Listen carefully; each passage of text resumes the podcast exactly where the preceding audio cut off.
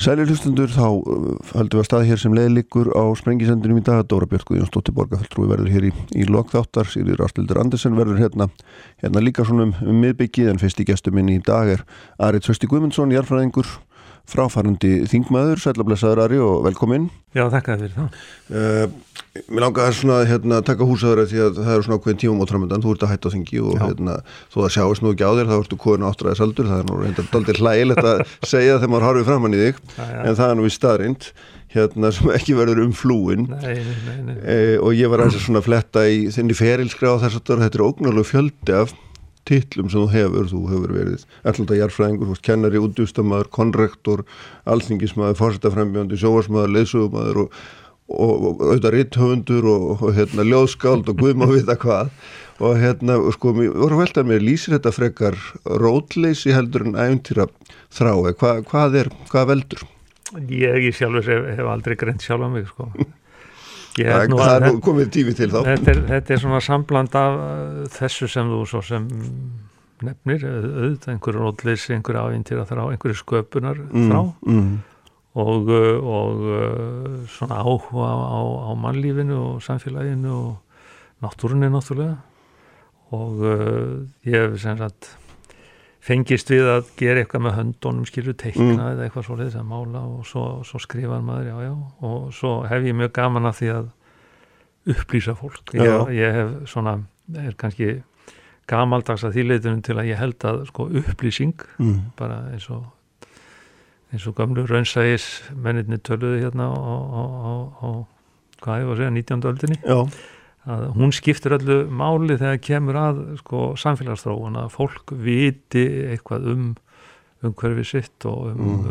um manneskjuna mm. og svo framvegs þannig að, að, að svona vísindaleg fræðsla hún er að því góða og ég hef lítið á það sem eitt af mínu hlutverkum og þar með kemur auðvitað þessi kennsla og sunda rýtstörfunum mikið af sjónvarsmennskunni hjá mér og, og ég held að, að, að þetta sé nöðsynlegu þáttur bæði til þess að fólk, uh, fólki líði vel mm. og svo til þess að þrýsta á stjórnmálinn, þrýsta á uh, að hlutir breytist, þá þarf að heyrast, þurfa margarattir að heyrast mm. og það er byggja gætnan á, á uh, þekkingu þó að ég sé ekki gera lítið úr tilfinningum hana, að þá held ég að, að, að því meira sem þú veist um, við skulum bara taka lofslagsmálinn, heit, heit kartefla, því meira sem þú veist um lofslagsmálinn, því, því, því uh, auðveldar áttu með að, að uh, koma breytingu til leiða sem, sem almennu kjósandi, sem, sem aktivisti eða hvað þú nú vilt og þess vegna held ég að þetta sé mikilvægt. Já, sko þú, hérna, svo við byrjum bara kannski á öfum enda, þú fórst inn á þing fyrir fimm árum.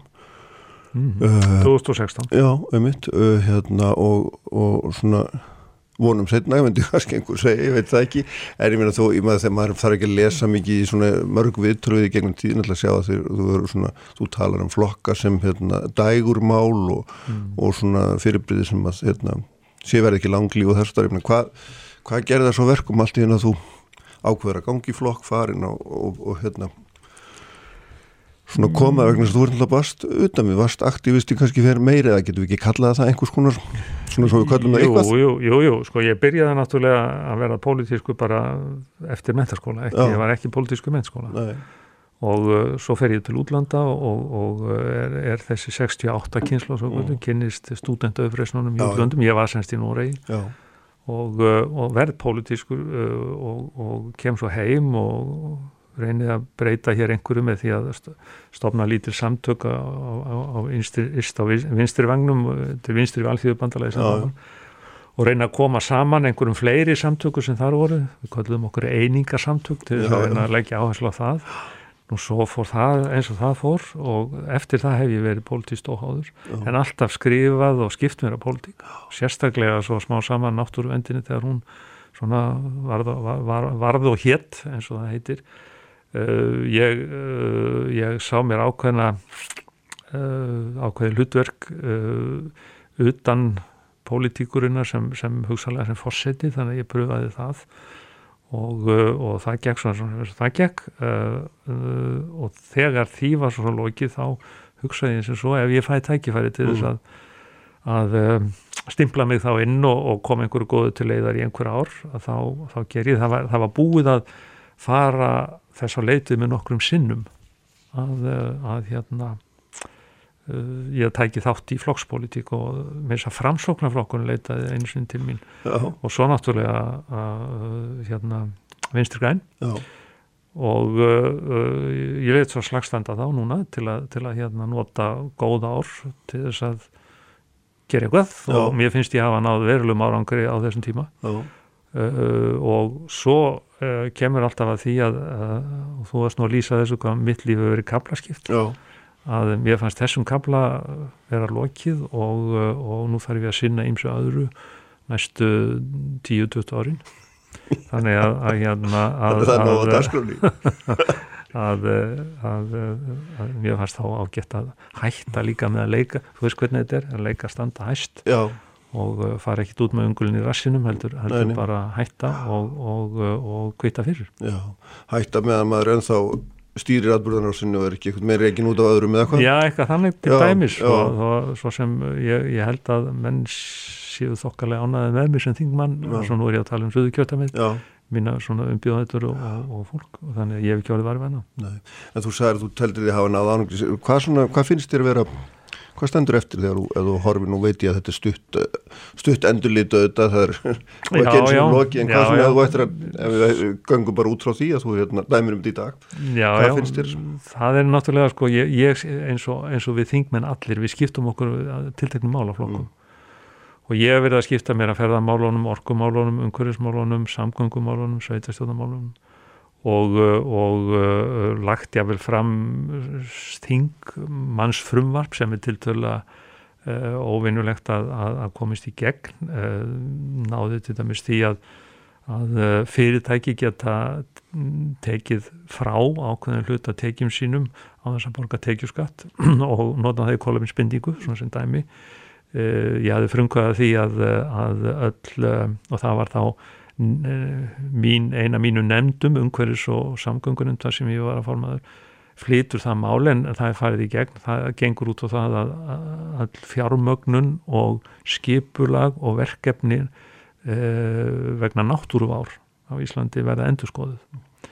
Með það fyrir augum að, að, að ebla það aldrei verulega og, og ná betur saman þeim stopnunum sem þar koma að og svo framvís þetta er svona dæmi um, um svona personlega mál sem að maður hefur komið að en svo aftur varðandi sko eh, stjórnamál, mm. þá er ég að tala um, um, um uh, mjög metnaði fulla samgöngu áallum uh, það sem er meiri segja verið að undirbúa jarganga áallum sem að mun gilda fyrir landið allt.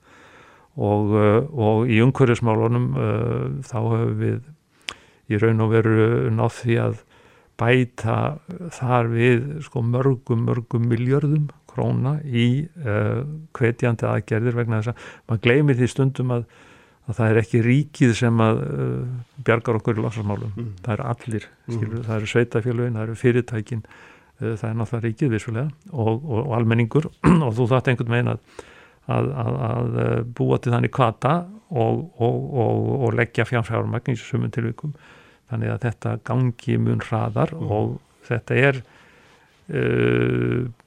bara áttu eða andof sem er ekki dólíkt og, og marg oft það, það er, það er hæg, hæg, hægt upphaf hægur yngangur og síðan gengur þetta æg hraðar vegna þess að, að, að það er alveg sama við hvernig þú talar. Uh, ég held að allir séu saman um það að, að meðvitund hvort sem eru fyrirtækjana, ábyrð þeirra almennings, stjórnvalda sveitja stjórna, allir að sitja sér aðgerðar á allanir að þetta er gjörbreyst ekki á sko 20 árum heldur bara á 5 árum. Já, þannig að, að eh, þegar maður horfið svo tilbaka og sé sinn þátt í þessu öllu saman þá segir maður ok, þetta var tímasviði mm -hmm. En ofta er það nú þannig þegar menn fara út á þingi þá eru þeir frustreraður finnst þeir ekki hafa áorkar neinu og ekki kominu fram og enginn hlusta á það og það sé bara einhver, já þú ert alveg öndur að skoðan Algjörlega skoðan og ég geti auðvitað nefnt eitt og annað sem að þingi þarf að laga til mm. þess að hlutinir breytist og það er þá kannski fyrst og fremst sko varandi þingstörfin sjálf nefndastörfin og, og, og umræðunar og annað, þetta er allt og laus speislað, skilur og þetta, menn hafa ótakmarkana tíma að einhvern líðræði að geta verið í málþófi já, já, já, og, og uh, nefndirnar eru oflaðnar verkefnum. Uh, þingmenn eru í raun og veru á fáir vegna þess að þessir 50 pluss sem eiga að sjá um allt þetta innra starf og það eru átta þingnemdir, það eru alþjóðanemdir, það eru alþjóðastarf. Málafjöldin ekst stanslust að málanúmerinu eru komið langt yfir þúsund á, á hverju þingi. Og, og uh, alþjóðastarfið ekst og ekst mm, samstarf okkar við Európusambandi út af veða samningnum það er mikið af málum sem við þurfum að ágriða Þannig að í, í raun og veru þá þess að, að endur skoða alveg frá grunni hvernig þingið starfar og það er endar nýkomin út núna uh, tillega það sem er gripið á þessu mm. sem að gengur uh, dóltið svona í rétt átt en, en þetta er þróun, það er ekki þetta að laga þetta einu lagi. Þannig að maður getur, maður getur sko hort tilbaka og, og uh, séð eitt og annað sem að, sem að bara hæfir ekki þingraðin og hæfir ekki líðræðinu en er samt við líði Já, allt og mörg mál fyrir svona fátt fólk, engin yfir sín eða vantarlega mjög takmörg Mjög erfið, erfið yfir sín en hún er samt sem áður en, en, en einna erfiðast eru, eru þessi, sko, þessi umræða í þinginu sem gengur út á það að, að allir eh, er að taka til máls ekki, þú veist, við erum með eitthvað mál inni Uh, fimm þingmenn úr sama flokki tala hver í hálftíma já, já. og segja meirið að minna það sama mm. skilur, stað fyrir að þarna hef, eru bara Þú veist ekki verið sérstakur aðdáðandi umræður um orkupakkan og sínum tíma Nei, það var náttúrulega bara stór sliðis í sjálfu sér og, og líðræðinu til skammar einfallega en, en uh, sko uh, þetta hefur ekkert með það að gera þessi sjónamið komast öll fram skilur, ef, ef við erum með minn þingflokkur með einhver afstöði í einhverjum hérna sjávarútöðsmálum þá er uh, Lilja Rafnei Magnúsdóttir, hún bara, hún, hún er talsmaður þá og, og við höfum okkar 15 mínútur, þetta kemst allt til skila og ég þarf ekki að tala líka í 15 mínútur og Kolbeinn í 15 mínútur. Þetta er náttúrulega bara, þetta er, þetta er í raun og veru gamaldags maður skilur þetta alveg sko árið, árið 1920 En, en núna er þetta orðið löngu, löngu, löngu úrelt og, mm. og, og, og við getum hort á þingin í kringum okkur. Það sem að þetta mis, ef það kemur, ef það kemur einhver aðeli fyrir þingnemnd, þá er hann bara skantaðu tími uh, og það fá ekki margir að tala eða eitthvað svolítið. Það er bara einhver eitt talsmar, einhverja mm. samtaka mm. sem hefur skantaðan tíma svo er það bara búið ah. og það er ekki, ekkit annan tækifæri og maður hugsaður út í þessi stóru samfélag þetta gengi ekki, við erum lítil og getum leikið okkur aðeins svona á þess að, á þess að hérna, ábjóða fólki en, en mér finnst þetta samt sem áður ákveðin galli mm. Sko þarna, Emar þú, ég ætla að tala við á eftir um svona hennar pólitiska bakgrunn sem er svo mm -hmm. forutnilegur en er mm -hmm. bara rétt í svona í samhengi núna því hún nefndir að ná hana að það að setjast inn á þing mm. fyrsta sinn, mm. fari ríkistjórn með mm. flokki sem ég ímynda minn og þú hafi nú talið til þín að höfa anstæðinga í gegnum tíma ja, ja. og ég minna hérna forsti alltíðu samband sem saði henni sínu úr, en úverandi saði sínu úr vafki þegar þetta var ákveð og saði að hérna, flokkurinn myndi eins og hún orðaði að það er svo fallega að geta skýta sem eftir liðja kjörtífabilinu ég minna þetta er nú ekki hugnastir vel, er það? Nei, nei, nei, nei. nei, nei. og mér hugnast svona sko, viðbröð heldur ekki ábyrgum pólitíkum eins og, og drífur snættar en gott og vel, eh, sko, við lifum við það erfið ástand að allar ríkistjóðnar á Íslandur eru samstöpustjóðnir og við endur tökum helst ekki kostningar af því að, af því að það er uh, stjórnakreppa uh, eða, eða kannski ekki stjórnarskreppa en, en samsteipu stjórnakreppa þar er það tekst ekki að koma fram stjórn að, að eh, þá eru ímislegt í stöðunni og, eh, og allir hafa einhver tíma þurft að gera málámiðlani til þess að uh, í raun og veru geta tekið þátt í landsmálunum á þennan máta að sitja í stjórn mis, mismiklar já, já, já, og, og eftir að þessi ríkistjóðansamningu var til að þá uh, þá var maður orðin þokkalega samfærið um það að þetta gæti gengið upp -huh. og mhm. síðan hefur þetta gengið upp því að eh, þessum, hvað veit ég, 200 eh, þingmálum stjórnar og viðbröðu COVID og annað slíkt að þá sýnir það að, að þessi ríkistjórn, hún er alveg á pari við þar skástu sem við höfum haft uh mhm. -huh. og, og, En Ari Trösti frá 75, hvað hefði hann Já, veistu það, hann, nei, hann hefði nefnilega kannski ekki, ekki slegið hendina móndið þessu og ég get bara rifja það upp að þegar áttu að stopna sam, uh, hérna Uh, jafnaðamanna sambandið also, also, uh, bandalega jafnaðamanna hérna vilmundi vinni mínum þá var, voru þessi mín samtök sem voru þá langt í vinstri við mm. þau önnur sem að þarna komið til greina mm. þau voru tilbúin í þetta Já. vegna þess að þetta átt að vera ákveðin svona reglífa samtök og mála miðlunum tíu punta prógram sem allir væri sammálum og svo gáttu við enn rífistum hitt mm. þessi hugmyndum að koma pólitíkin áfram á mm. þennan nóta mm. með í tiltúlega smáum skrefum með uh, samkomlaði milli, milli ólíkar afla uh, er eina leiðonu til þess að, að búa til þokkarleira samfélag og, og við erum bara neitt til að vinna þannig þegar kemur að landstjóðinni sjálfu og verðum um tiltúlega ofyrir sjálega tíma soliðis mm. Þannig að hvort þetta er þryggja eða fjögra eða tveggja flokka samstöpustjórn ef að hún uh, kemur uh, því sem að uh, að mati þá allra þarna er uh, til þjónustu við fólk til jákvæðra framfara eða, já, eða framfara skulum við segja já. að þá, þá uh, gengur þetta bara upp mm. og, uh, og það hefur gert það í þessu tilviki og ég býst við að þessi þrýr flokkar myndu ekki slá hendina móti því að fara í nýjar viðræður eftir kostningar. Nei, er það ekki bara, svo ég spurði um það, er það ekki bara langlíklegast að því að menn tala ég, svo vel um að þetta gangi svo vel og nú er þú jú, jú, sem ætti kannski vera ist til vinstri í einu flokknum sko? Jú, jú, en, en, en, en þetta að, að vera mertur stjórnar andstöðu alla æfi eða pólitísku æfi neina, þannig að það hugnast mér ekki Nei. þannig að, að eh, ég er þá alltaf, væri alltaf tilbúin til, til, til, til samræðina en, en ég, eins og ég er að segja, ég veit ekki hvernig þetta fer núna. En uh, svona uh, ef þú gefur þessari stjórn engun þá voru hann áraður að 7,5 sko af 10 og, og, og, og það er nokkuð sem að ég held að Íslands samfélag muni, muni hérna, líta betur út eftir þessi fjögur áhætturinn fyrir. Bara e-, eitt mál, svo nefnum dæmi hérna þjóðgarðurinn á miðhálendin sem að menn bakkuð út úr. Ekki getur hún verið ánað með það bara svo ég nefnir nú eitthvað. Mm, bakkuð út úr já, þetta átt að komast í gegnum þessu kjörtíðanbili það menn aldrei gera það híðan af. Já, þú menna svoleiðis, þú vissum það ég er ekki svo vissum það nei, já, ok, já, já, en þú segir mér þá tíðin já, já, ég, ég hérna ég hérna á nú eftir að sjá þetta fara í sko hérna tinglegu meðferð, við mögum ekki gleyma því mm. að, að þetta er í nefnd. Já og við erum byrjaðar að taka gesti og, og svo sjáum við til hvort að þessi að gera einhverja breytingar sem eru þá til góða uh, og, og, og ná samkomlega mm. þannig að ég er ekki búin að afskrifa þetta eins og þú. En, en uh, við skulum segja að þetta verður erfiðar að heldur um að sá fyrir. Já, svona gera smá hlýjari og hérna haldum áfram eftir, eftir augnablík Sælir aftur hlustundur, hann er ennþá hjá mér en Ari Trausti Guðmundsson, alþingismöður fráfarandi, heldur mér sér átt að segja. Við getum kallað hann það í billi allavega, það er svona auðvitað fram á haustið. Og fram á vor náttúrulega kannski líkur ekki starttíman og núna í vor raun að vera hjá þér eða hvernig er þetta, er, sko, verður þú aðeins sumar og já, já, já.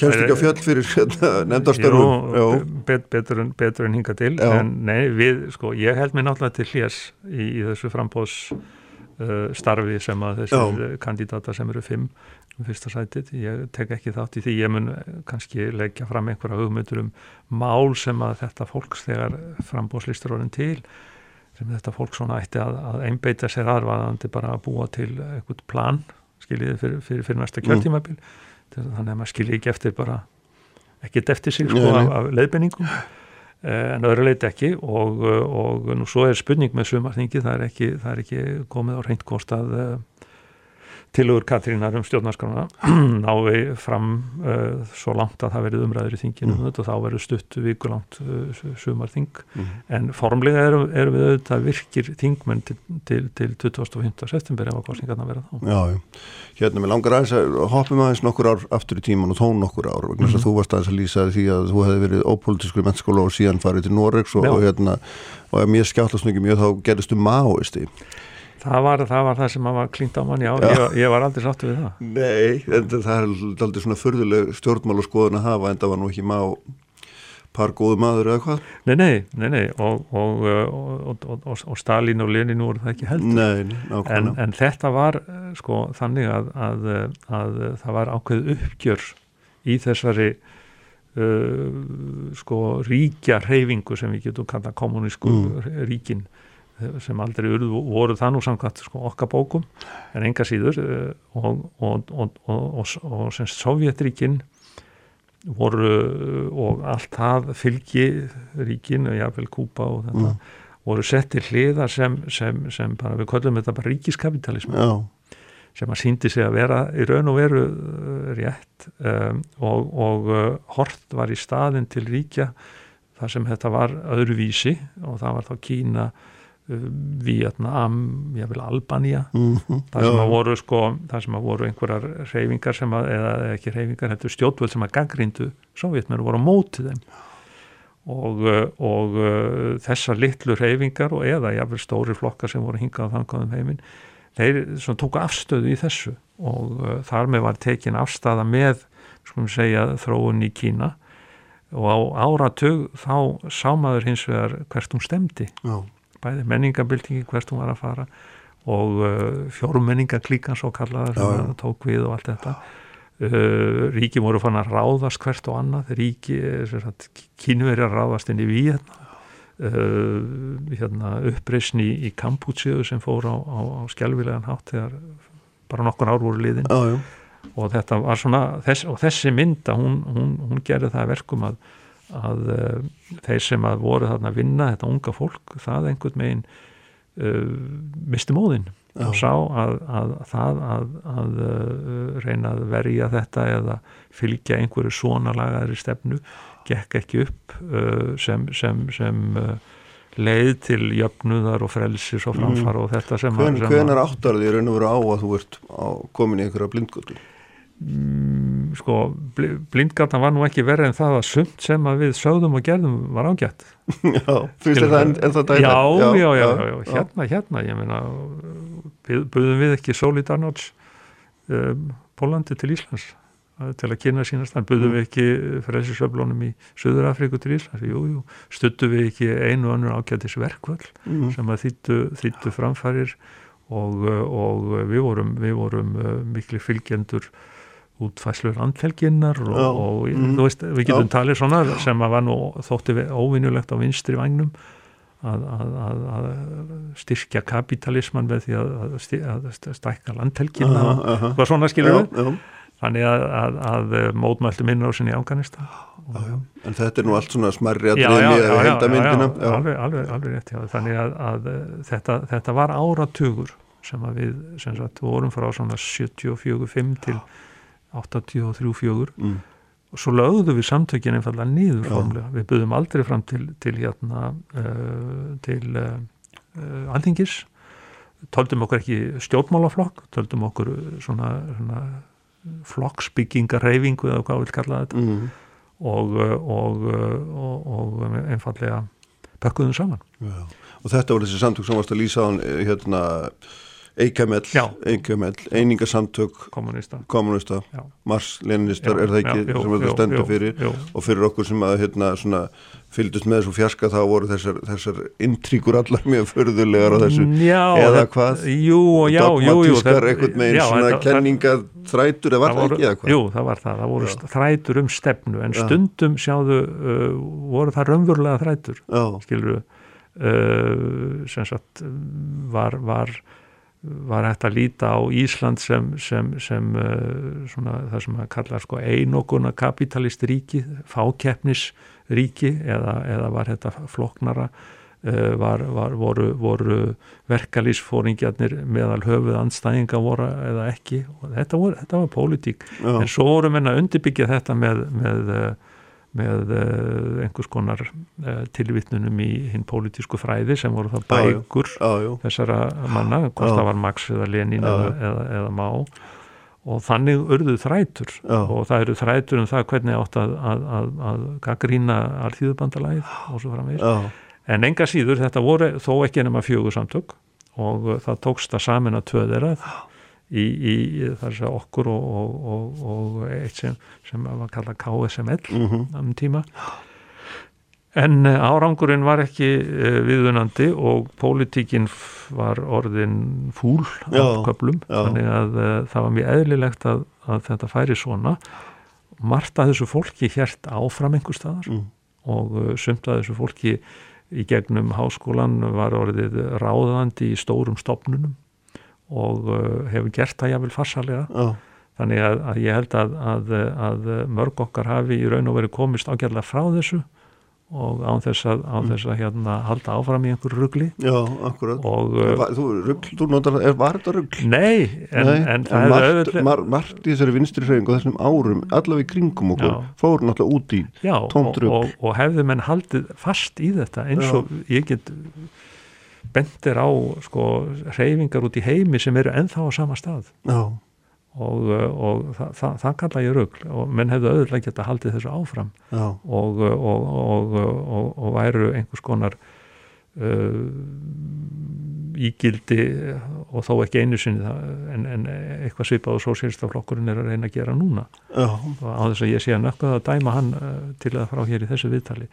En, en, en hérna uh, þannig að, að uh, þess að segja það ég held að flest okkar hafi uh, komist frá þessu ágjörlega mm og uh, orði gildir og nýtir þegnar og, og, mm. og hérna og það er, er sjálf sjágjætt en sko einhver, einhver, einhver slangur skulum við kalla það. Einhver hópur af fólki í Evrópu hérna úr svipari hugmyndafröði fór síðan út í hérna ábeldisverk og þess að og, og maður svona oft veldi fyrir sig og þú þekktir þetta vel hérna var þetta var aldrei svona nei, nei, nei, kom aldrei nynsta nálegt það kom aldrei nokkur tíma til og, og, og Engin sem lísti því verið að hann vildi verða borgarskerli nei, nei, nei, nei, nei. og, og uh, þeir sem voru svona órólegastir í þessu sem var, var fylkingin gamla. Já, já. Uh, sem sagt fyrir um, fyrir um uh, hérna uh, æskulisfylkingin já, svo svo svo og því bandal sko þeir komið svo langt að þeir voru jú í að, að sletta mál, eh, málning og skipið eitthvað sko. já, já. Vi, við fórum aldrei út í nokkuð tíman en eitt svoleiðis þannig að ég raun og veru að þá hérna uh, var þetta eins fjarrri uh, íslenskum stjórnmálum eins og verið getur mm. og það hefur verið alla tíð Já, þú sagði einhvern veginn í viðtali og það er svolítið merkilegt að hérna, þú hefur aldrei goldið þessara þessara starfaðina í, í þessum uh, mjög svo vinstri sinnu samtökum og, og, hérna mér stáldi merkild vegna þess að, að þá kom nú út heil bók eftir núverandi forstæðum óvinnir ríkisins sem voru nú mjög margir einmitt nákvæmlega svona skoðanarsískinin og er það tilvillið að þú hefur aldrei fundið fyrir því að, að þér hafi verið meinuð um starf eða, eða framgangi starfi eða Nei. heldur þessi hugabunur fyrir öðrum eða hvað? Nei, nei, eflaust á þetta við einhverja sko Já. og auðvitað við vissum til þess að það var fylst með okkur. Altså, bæði bandaríska sendiráðu, rúsneska sendiráðu eða sovjerska eins og og, og hluti lauröglunar uh, helt svona uppi ákveðnum ákveðnum um, ákveðni eftirliti með þessu fólki vegna mm. þess að það var ju ekki vita hvort að við myndum þróast í einhverja svona átt en, en það var ekki bara orðan á þannig ekki einasti maður sem lendi í, í, í einhverjum, einhverjum sko, vandræðum varðan til lögin annað en eins og byrna þorðar sem var handtekinn í einhverjum mótmælum eða eitthvað svona. Þetta er örfá, örfá uh, hérna dæmi um það engin ákærður í til dæmis mínum samtökun okkur sinni mm.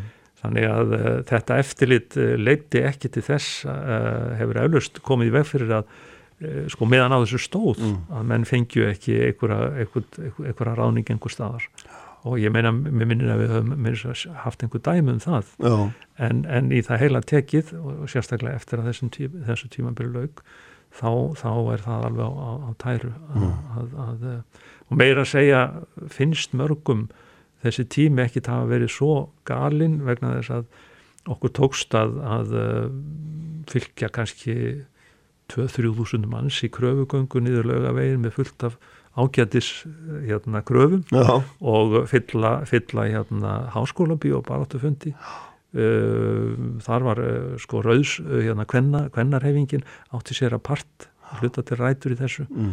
Og þannig að sömu leiti að þá, þá lítur fólk tilbaka og segir jú þetta var nú merkilegu tími og eðlilegt að ungt fólk væri svona róttækt og, framvegs framvegs og þar við sittur já, já. En þú saður einhvern veginn líka svo ég aldrei ofna að vinna einhvern veginn umvali að saður um hérna Hjörli Stengrím og ég man ekki hverjum og svo þriði ámundurjú þetta var litli venstrimenn og, og alls engir sósialistar Já, já.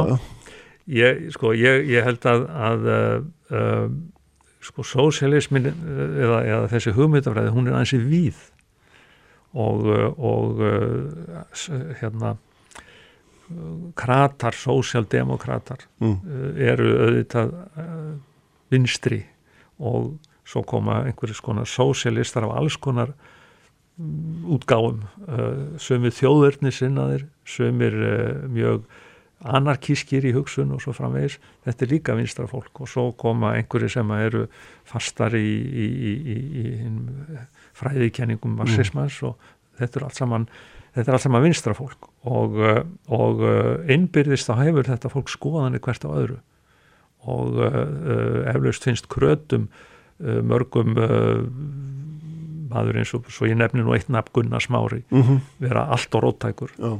Og ég er alveg samfærður um að Gunnar Smári finnst hérna uh, uh, Lógi Einarsson uh, eiginlega ekki vinstri maður. Mm skilir þú hvað ég er að það og, og þetta finnst mér fullkomlega lett vegna þess að, að hugmyndafræði er svo ríkur þáttur í vinstrinu mm. hugmyndur um hvernig maður byggir upp samfélagið hvernig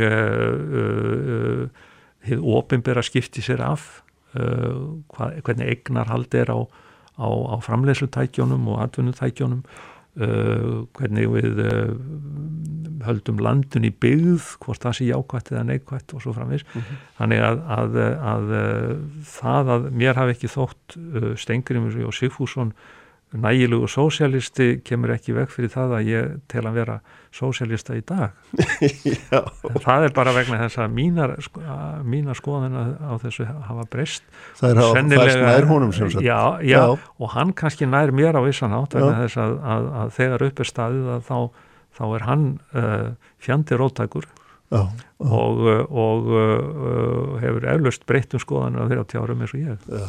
En þegar þú komst inn á svona skemmtileg hugdögg sem að náttúrulega eru aldrei svona koma upp aftur en voru ykkur meginn horfin eins og, eins og til dæmis hvort að ríkið þetta eiga framlegslu tæki og, og svona hlutverk ríkið svona, emna, þú talaður áðan en þú varst að tala um loflasmáli mér finnst það áhugavert, þú saðir hérna ríkið lagar þetta ekki, Nei. en ég sagði ef maður hefði talað við aðra trösta fyrir mm. upp úr 75, mm. þá hefur Jú. eða hvað? Jú, ég hefði nefnilega sagt það vegna þess að, að, að einn grunnurinn í þessum blessaða máisma sem að menn vilja tala um Já. eru fjöldarhefingar og, og, og, og þar með sko uh, svona ákveðin samfylkingarstefna sem lísti sér ágjörlega því hjá okkur í galna daga við stóðum við hlýðan á heimdalli fyrir fram með sájöska sendiráðið og mótmællum innrásinni í, í, hérna, í, í Afganistan og þetta, þessi svona samfylkingarpólitík hún finnst mér mjög gild enn þann dag í dag þannig að ég myndi,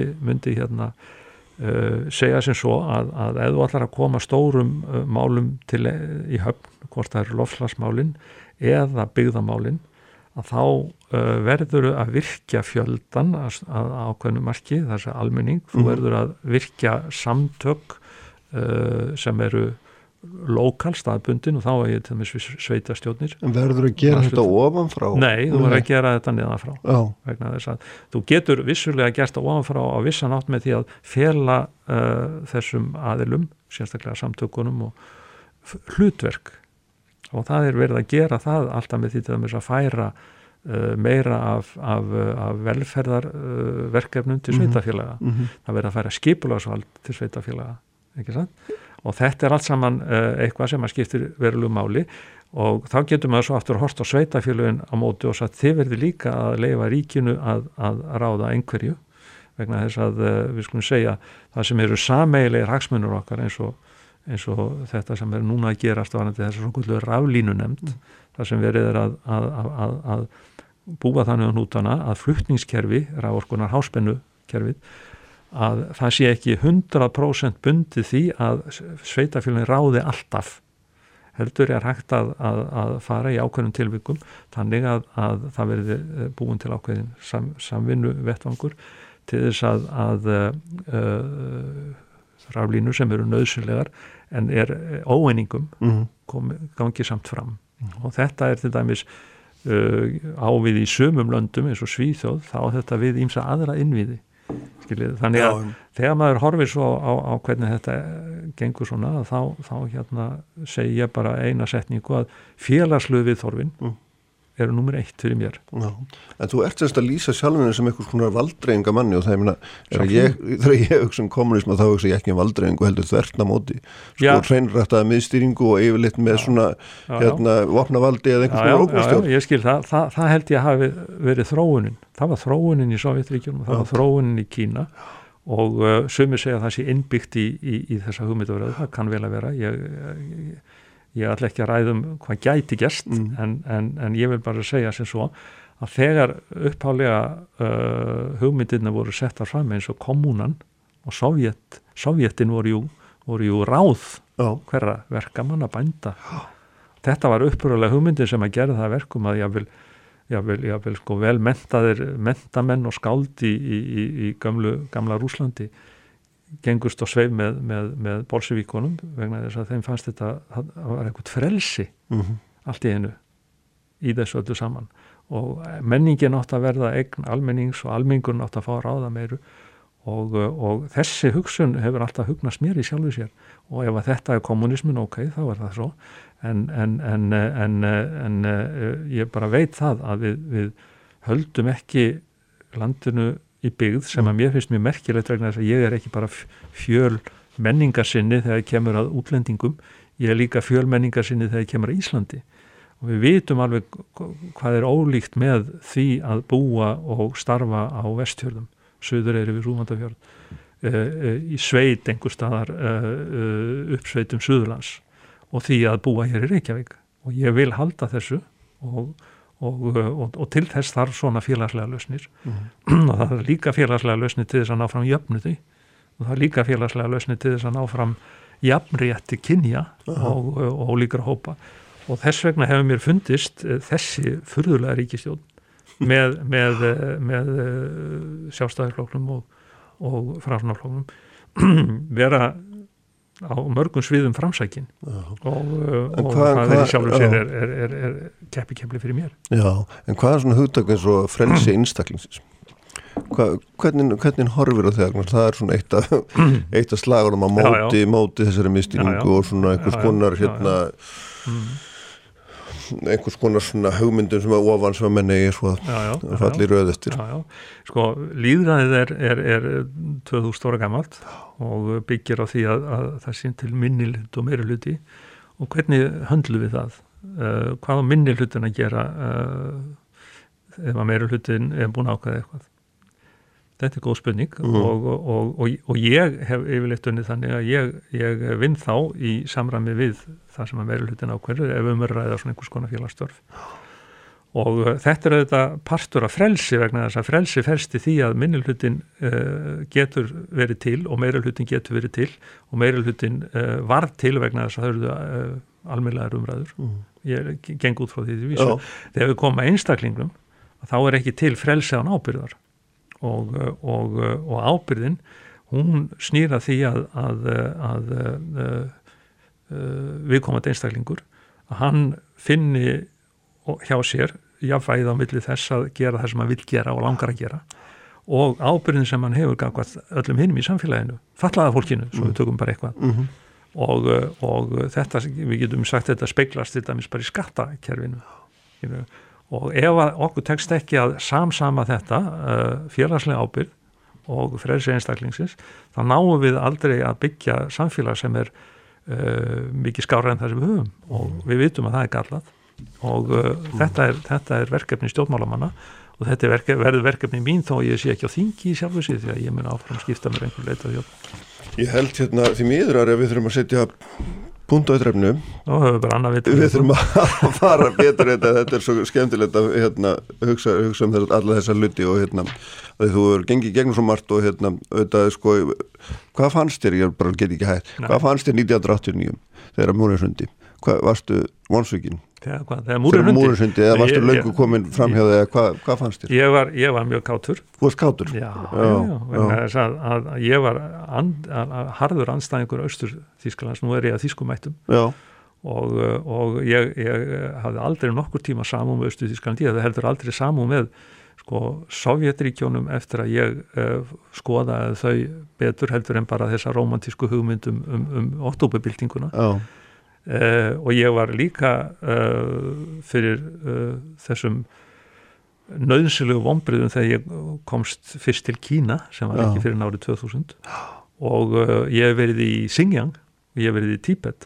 Og ég hef séð Kína með þeim augum gestsins og ekki stýrður af, í ofinbæri heimsókn þannig að, að ég veit alveg um galla ég veit um galla Rúslands, ég veit um galla uh, þís, uh, hérna Kína ég veit um galla bandaríkjana og þessi þessi risa stór, sömul að þau eru þannig að, að allstaðar þar uh, á fólki eftir að segja síðast orði vegna þess að, að þau uh, eru með það marga galla að uh, þau get ekki verið svona óbreytt nema tiltekjan ára fjölda vegna þess að, að það er engu stórveldi tekist að bæla niður óskir uh, fjöldans til langs tíma. Ljómundari, takk fyrir að koma. Óskaði glerar páska. Sem leiðis. Þú er hérna áfram eftir augnablík. Sælir afturlustundur, þá er hann farin frá mér hann Ari Trösti Guðmundsson, alþingismæður, eftir ídalett spjallum um ja, samtíð og, og fortíð. Um, þau málefni sem honum hafa verið hugleikin í gegnum tíðina en uh, gestur mér núna er úr allt annari átt því hann er eiginlega, eða hún er eiginlega alveg hinum einn á hinum politíska litrófi, það er eh, Sigriður Ástildur Andersen, alþingiskona. Jæja Sigriður, velkomin til mín. Takk fyrir. Uh, Það var náttúrulega merkilegt, ég var að tala með hann Ara Trösta Guðmundsson hérna sem við getum kallað svona sennilega einn mest að vinstri sinna á þingi og þá er ég beint yfir í þig sem er líklega, maður getur að flokka sem svona, einn af þeim sem eru svona lengstlega hægri. Jújú, samt oft ekkert langt á mill okkar. Nei, akkurat, það er kannski orðið, orðið svona ringur eitthvað meginn og því mætist, mætist í miðunni Sko hérna, svona mér langar að fara með þér hinga á þanga því þú þetta svona hérna ert þú þingmaður sem vekur æfinlega aðdegli og sérstaklega fyrir það að fara þín reynleir og þarna vera óhrætt við að ganga gegn meginströmmnum og, og þess aftur og svona og, og, líka fyrir að ríða á kæftum í smálumni sem, við feist að þetta ætti ekki að gera og byrjum bara ganni núna því þú varst að helst ræðum daginn á þingin um loslasmál mm -hmm. þar sem varst að fjalla um hérna, þar sem varst að segja að þeim fjármennu sem við erum að verja til þeirra það eru vantilega halvu þeirra ríkistjórna sem þú stiður væri illa varið mm -hmm. segðu mér aðeins hvað þú ert að hugsa hvað, hvað, hvað er þetta að fara? Já, í þessum loftlagsmálum sko höfum við Íslandingar verið með alls konar markmið og, og uh, hlaupið á vagnir með öðrum löndum sem að ég hef nú verið að benda á nú nokkuð lengi að við kannski eigum ekkert sammeilegt með í loftslagsmálum. Uh, bara svona e, mjög grón draftum, kannski helst að uh, svona, ef maður lýsir því best þá er kannski þetta lýsaði þannig að Ísland uh, sko 80% af þeirra orkunótkun sem að Íslandingar nota uh, kemur frá enduníanlegum orkungjöfum Uh, þessu er nánast þeirrugt varið uh, farið sko í mm. hérna öll, öllum heiminum. Uh, og í Evrópulöndunum er, er hérna mjög lítil orkunótkun sem er frá endur nýjan orku, orkugjöfum. Þannig að markmiðið hjá Evrópusambandun og Evrópusambanslöndunum með til dæmis Parísa sátt, sáttmálanum hefur verið það að auka uh, hlutdeild endur nýjan orkugjöfa upp í sko 30% á, í framtíðinni Þannig að þetta kannski lýsir þessu best hvað svo langt við erum á undan öllum löndum í þessu tilliti. Og uh, ég, núna í umræðum fjármála áallununa í, í síðustu viku að þá var verið að, auðvitað, kemur þar fram að við ætlum að eða 60 miljörðum á næstu fjóru árum í það sem kallaði lofslagsmál og alls konar lofslagsverkefni. Ég var nú reyndar að kalla eftir svona aðeins upplýsingum um hvað væri þarna undir og fekk það nú kannski ekki eftir að aðeins að skýra það en þarna undir er náttúrulega alls konar þættir. Og Ég var bara að benda á það uh, í umræðu við uh, áttu orðastaf umhverfis á þeirra það væri auðvitað mikilvægt að það lægi fyrir svona kostnargreining uh, þar að segja það væri sett fram hvað ætlum að setja mikinn pening í þessa tilteknu aðgerð og hversu mikinn árangur hún myndi bera í tilliti til lofslagsmála sko. -huh. þar að segja hvað okkur tækist að draga mikið úr losun með þessar tilteknu aðgerð hvort hún væri til frambúðar eða bara tímanbundin og uh, vegna þess að án þess að við höfum þetta þá finnst mér svolítið brætt að fara að leggja svona mikla peningi þetta. Og uh, ég benti líka á það að, að sumar af þessum aðgerðum það líkur bara fyrir að þær eru ekki að skila nokkur um einasta árangri uh, við það að draga úr, úr losun gróður og loftegunda uh, hér á landi. Þannig að og mér finnst ánægur þetta að heyra það að umhverfisraður er með samalum þetta og hann hefur sett á staði núna nýlega vinnu við þetta og við höfum eftir að sjá hvað kemur, kemur út úr þessu að sama skapið þá var ég fyrir vonbröðum með það svar hans við því að þegar ég bendi á það að mögulega þurfum við að huglega það aðeins að fara yfir þessi mál aftur mm. og kanna hvort að alþjóðlega skuldbindingar sem við höfum tekist á hendur hvort uh, hérna Íslendingar hvort að þær séu í rauninni ekki bara óraun, það var eitthvað skona della mm -hmm. uh, og við þurfum að kannski að draga Getur fram okkar sérstöðu í, Hvað er þetta að hugsa um það? Já, bara eins og þetta að, að hoppa vagnin uh, með öðrum löndum sem ætla að auka enduníjanlega orkugjafa sína upp í 30% mm -hmm. þegar við sjálf erum 80% -huh. En það skadar okkur nú vantar ekki skrifundir það skiptur okkur einhver máli? Nei, en við þurfum að borga hins vegar heil mikið já. hérna fyrir það vegna þess að það er orðið miklu erfiðar fyrir okkur að draga úr losuninni já, já. Uh, af því að hún er orðin svo mikil hérna, húsiturinn og allt þetta sem við þekkjum. Þannig að, að mér uh, var fyrir vonbyrjun þegar ráð þegar hann segir sko nei, hún finnst það, nú alls ekki komið til greina en við kennum samt að við eigum eftir að fara í þessa skoðun og mm. árangurs svona mat á þessum árangri Þannig að þetta er nú svona í grófum dráttum það sem ég verði að benda á og ég nú formaður útrækismálu nefndar og það er svona í sívaksandi mæli einmitt gerðir frá Evropasambandinu sem koma inn í þá nefnd sem varða þessi mál, já, já. rosalega mikið. Þetta er náttúrulega bara stærsta auðvitaðismál samtímans. Já, í rauninni og uh, gerðir sem að uh, við erum er kynnt fyrir okkur í nefndinni og svo fara þetta til sko fagnemndana, umhverjus og samgöngunemndar yfirleitt og en líka kannski atvinnum við að nefnda og jafnveg stundum efnahas, viðskipt efnahasnemnda en uh, ég greini það alveg og ég undarskil mig ekkert í því en sko þingmenn eru sko hérna uh, mjög vanbúnir að lesa inn í allar þessar reglur mm. og, og hérna afleiðingarnar af þessum innleiðingum og þetta, þessu þarf auðvitað einhvern veginn að kipa í liðin og við reynum að gera það í auðvitaðkismáli nefnd og, og höfum verið að fá sérfræðingar til þess að ræða þessi og að útskýra fyrir okkur bara hvað, hvað þetta þýðir, hvað er Ísland að að hérna hérna til þess að selja lofslagskvóta og kaupa lofslagskvóta ríkja stundum að græða og stundum að tapa, ég meina og uh, það er hildilega í þessu öllu saman er að að uh, maður stundum færi tilfengum að skilja þetta ekki nokkur maður sko að ég meina þegar það verður að reyna að útskýra já, þetta. já. og þetta held ég að þurfi að hérna, koma einhverju skikki aðeins á og menn þurfi aðeins að fara að setja sig inn í þessi mála aðeins betur og fá betri yfirsýn, það þarf að auka gagsa í þessum efnum. Uh, bara þetta sem ég nefnir sem dæmi Já. hérna kaup og sölu á þessum lofslagskvotum aflátsbrefum, uh, það er síðan annar mál líka. Uh, þannig að ég hef nú bara verið að kalla eftir þessu og gælda varhug við því að við séum að takast á hendur skuldbindingar sem kosta okkur 20 miljardar en hafa síðan raunverulega engin áhrif í þessum lofslagsmálum mm. og ég segi alltaf, sko ef allar, hei, allar þjóðir heimsins væru eins og Ísland gerðu eins og við þá væri engin að ræða neina lofslagssamninga. Nei, nei, það er bara þannig sko. Það nýttu sér endurlega orkumennar. Já, ég að segja það, ef það væri færum til þess já. Og svo finnst mér, svo þegar kemur það þessum orkuskiptum að þá tala mennum, já, við erum bara verðum öll bara að fara yfir í hérna, skiptum orku og hérna sko þá, þá lítar menn algjörlega fram hjá því að 80% af orkunótkun í heiminum, 80% stafar frá jarðefna elstniti. Uh. Það er ekkert að fara að breytast uh, á næstu árum uh, og það er ekki af því að ríki heimsins, öll þessi ríki, bæði stóru og smá, hafi það eitthvað sérstökum markmiði að vera með hérna, mengandi orkugjafa, óhagkvæm og þarfærandi göttunum.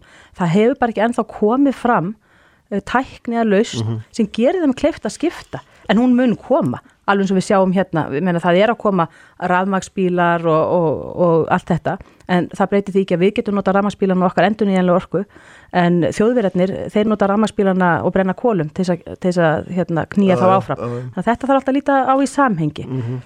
Sér finnst það skortað sem öðrum orðum þetta samingi og, og hérna já, heldamindin Já, heldamindin og, og svona við sem að skrifa undir einhvern samkómulega sem við áttum okkur bara ekkit á hvert er að leiða okkur, ég, ég, ég skilda þannig Já, já, í upphæfi var það þannig að við vorum með Íslandst sérákvæði þegar við gengum inn í þessa lofslagssamninga alla þeir hafa gengið undir ímsum mm. nöfnum, Kyoto og svo framhaldssamningar og Parísasáttmálinn núna og svona. Og við vorum upphæflega með Íslands sérákvæði En einhverju hluta vegna, ég hef ekki fengið svör við því, einhverju hluta vegna, þá var þessu kasta fyrir róða mér sínist sko eitthvað tíman 2012-2013. En hérna, þetta þarf líka eins að komast upp á yfirborða af hverju við gerðum það, hvað knúði á um það. Uh -huh. uh, að því að Ísland hefur auðvitað margt fram að færa í alþjóðlegu, uh, alþjóð samstarfi í þessum efnum. En við hefum þá að, við hefum að gera það þannig að það nýtist auðvitað einmitt öðrum þjóðum best og ég er ekki vissum, ég er enda samfélagum að það nýtist öðrum þjóðum ekki best að Ísland hendi sér bara á vagnin sé enn eitt ríkið sem hendi sér hérna á okkur svona markmiðavagn sem að Ísland mun ekki geta uppfyllt. En þú ert náttúrulega bara að tala fyrir því með öllu þessu að, að við svona bökkum bara, ekki bara eitt skrif, heldur nokkur skrif áttur og bak og skoðum aðeins hvað við höfum verið að gera. Já, já. En er það ekki? Jú, jú, og hérna, jú, góðri leið? Já, ég er alveg efinsum það að við séum á réttri leið uh, með þáttöku til dæmis uh, með norðmennum og ég heldur endar norðmenn þurfum líka að endur skoða þetta að norðmenn og Ísland hafi hent sér í samkomla með Evrópusambandinu Uh, í, til þess að reyna að uppfylla Parísasáttmálan sko. mm. vegna þess að Nóri og Ísland hafa bara svo mikla sérstöðu umfram hinn ríkin í Evropasamhundinu mm -hmm. við höfum auðvitað hvetja hinn Evropasamhundis ríkin til góður að verka og við höfum margt fram að færa í því rannsóknir og annað sem að hérna, og norðmenn líka sem að við getum hérna uh, lagt fram í, í púkið í þessu mm. umræðu og annað en uh, það að, að ætla að, að uh, reyna að uppfylla þessi markmið með Evrópussambandunum sem að Evrópussambandsríkin ná ekki að uppfylla að þau eru bara á allt öðrum stað mm. það finnst mér uh, bara í hæstamátu óeðlega nálgun og ég tala nú ekki um það látum vera sko þótt að þetta sé nú bara eitthvað svona kannski vettfangur fyrir embættismenn til þess að koma saman en við erum að setja mikla peninga í það líka og það var það sem ég dróð fram í umræðinu fjármála átlunna 60 miljardar á fjórum árum. Finnst þú að þetta ekki, að setja þessa peningi í? Er það að draga okkur tilbaka alveg eða sko? Sko peningarnir minnst þeim þarf þá að vera vel varið. Við þurfum að fá svör við því mm -hmm. hvort að við erum að fá út úr því að við Ísland sé að draga úr losum gróðrúsaloftu um þetta. Það þarf að líka fyrir og það, hann svaraði því umhverfisraður að það liggur ekki fyrir mm. þá, og það finnst mér auðvitað alvarlegt. Já, því þú sagðir náttúrulega líka þessar umræðu hérna, sko, og það er svona merkileg umræðu í í nútímanu því að það, hérna, það stendur náttúrulega bara ströymurinn út úr ríkisjóði þessa dagana í alls konar aðgerið þarna dróttu það náttúrulega mitt fram að það sem við hefum kannski ekki mikið velt fyrir okkur í samhandi við þessi mál, hvernig á að fjármagna allt saman mm -hmm. sem eru þetta í sjálf sér hérna sjálfur sér áhugaverð en sko þegar það er ákveður að svona, ef að kalla það hjóli, þetta máli það er svona tískuð að hjóla í hluti, menna mm. af hverju Þú, þú fórst líka á skjönu í COVID-málunu hérna, og maður getur nefnt þó nokkuð mörg máli gegnum tíðina þar sem þú kemur einhvern veginn úr allt annari átt. Já, en það, það er kannski ekki eins og í þessum lofslagsmálum eh, ekki svona nýtt mál, ég menn ég hef auðvitað í mörg ár verið að tala uh, á þessum nótum mm. og bent á ímisatriði og uh, drópin hólan úr steinin, ég var nú fyrir mörgum árum að benda á það að, að endurheimt votlendis væri til dæmis eina svona ein aðgerð sem að geti skila raunhæfum árangri uh, raunverulegum árangri við að draga úr losum gróðurhúsuloftegunda. Ég fekk nú mikinn skít og skömm fyrir þegar ég nefndi það nú fyrst mm. uh, frá fólki sem að var einblín á hana Parísasáttmála um, að við ættum að reyna að koma veg fyrir að hækkun umfram 1,5 Uh, en svo hefur þessu umræðu öll saman snúist og það er ánægilegt að sjá að, að hérna, þessi málflutningum minn og, og þeirra sem að hafa sérstaklega náhuga og endurhund votlendis, það eru frjálsfélagsamtöku sem að hafa sprottið upp og eru frá gamalli tíð sem hafa bent á þetta að, það, hérna, að þetta sér tæk leið til þess að, að dragu losum gróðurslöftegunda að þessi, þessi umræðu hefur fengið meiri hljómgrunn og nú held ég að þetta er, er nú bara komið reynilega inn í mm. stefnu stjórnvalda að þetta sé ein leið sem að menni að horfa til. Þannig að e, ég veit ekki þegar þú segir að hérna, hjóla í eitthvað svona mál ég veit ekki það var nú líka eins og með æsef málið ég menna mann er bara rennu blóðu til skildunar en mann er finnst menn verða að fara eitthvað neginn af leið eða draga hérna, þjóðina eh, út í eitthvað fenn að þá hérna, ætla ég ekki að sitja á mér með það og tjá mína skoðanir mm. þegar kemur að því. Mm -hmm en þetta er nú bara þeim meði sko. Já, þetta er ekki einhver svona hérna, þetta er ekki einhver svona innbyggt, innbyggt eðlun til þess að vera á móti. Nei, nei, nei, alls ekki. Ég menna, ég er nú mjög saminu því ég held að dæminn sínir nú og menn getur nú vottaðum en, en ég auðvitað tek ekki þátt í einhverju sko hérna svona þöggun eða hysteri sko í málum. Þetta fallegar kannski þú stendur vast á þínu. já, já, það þarf að gera það. En ég menna, ég vona þess að menn hérna átti sig á því að maður reynir nú að færa rauk fyrir, fyrir sínu skoðunum mm. og hérna og reyna að þoka málum áfram þannig og mér hefur nú bara orðið bísna ágengt með það mm. eins og með þessi dæmi sem ég hef nefnt æsef málinn og og í loslasmálunum líka. Já, henni, við skulum hérna gera augnablíks hérna, Sigriður, svo höldum við áfram eftir, eftir smástund. Sælir aftur hlustundur, hún er hérna þá hjá mér, hún Sigriður Ástildur Andersen, uh, þingmaður, við hérna erum svona fara, vorum að fara yfir eitt af fjölmörgum málu sem hún hefur svona hérna haft ákvæmlega sérstuð í og, og hérna með langar að svona kannski að halda þess áfram uh, eitthvað á þessum nótum en, en svona líka að tala um, um fleiri pólitíkinu við Sigriður hérna sko bara spyr hérna bara beint út hérna allar bjóðið fram í haust Já, ég ætla að gera það Já, þú tala okkur henni í því já, já. og aldrei vafist fyrir þér eftir eh, svona frekar erfitt kjörstnýðanbíl Nei, það hefur ekki gert það Nei, nei, hvernig svona hérna hvernig tók flokkunin þér? Hvernig stóðum við bakjaður í þessu dómsmála þegar þú varst í þessu vesinöllinir í dómsmálarandinum? Eh, sko, mínir kjósendur hafa Mínu kjósundur hafa staðið mjög vel á bakveð mig og, og ég hef ekki fundið annan mikinn velvilja mm. og mikinn stuðning um mm. mín störf, bæði sem þingmar og sem ráð þeirra á sínum tíma og uh, jú, þegar ég uh, stýtti hliðar hérna í þessu landsættarmáli sem var auðvitað uh, ennin geðsræðingin á slutum tíma í þessu, þessum stjórnmálum Já. og uh, hérna þá mátu margir það við mig og öðrum var auðvitað hérna, megin ítla við það að ég gerði það og ég fekk líka að heyra það frá mínu stundismönnum að mönnum fannst það ekki sangjant að ég væri að stiga til hlýðar í, í þessu máli. Þannig að en ég hef alltaf bara notið mikils velvilja meðal mm. sjálfstæðismanna og mm. hægrimanna uh, þeir eru nú því miður, margir hægrimennir ekki í sjálfstæðisfloknum það skiptir nú máli að fá þá, fá þá hérna, til okkar aftur eða sumir með þess að hafa aldrei verið í sjálfstæðisfloknum hafa ekki fundið sér í því en uh, þannig ég uh, á mikinn og gott bakland. Já, En fannstu ekkit fyrir því þá að hruna, þú væri hérna, þú væri orðin bara fyrir í þeim skilningi að þetta væri óþægilegur í flokkin og hérna og, Nei, og það var náttúrulega ekki. Ég menna, menn eru þetta hérna í flokknu stjórnarsamstarfi mm. og uh, hérna og ég fann það eins og ég lísti bara því að ég saði af mér að að það var augljóst að menn ætluðu að láta þetta verða eitthvað persónlegu máli, þetta mál sem var endar frá öðru kjörtíðanbili mm.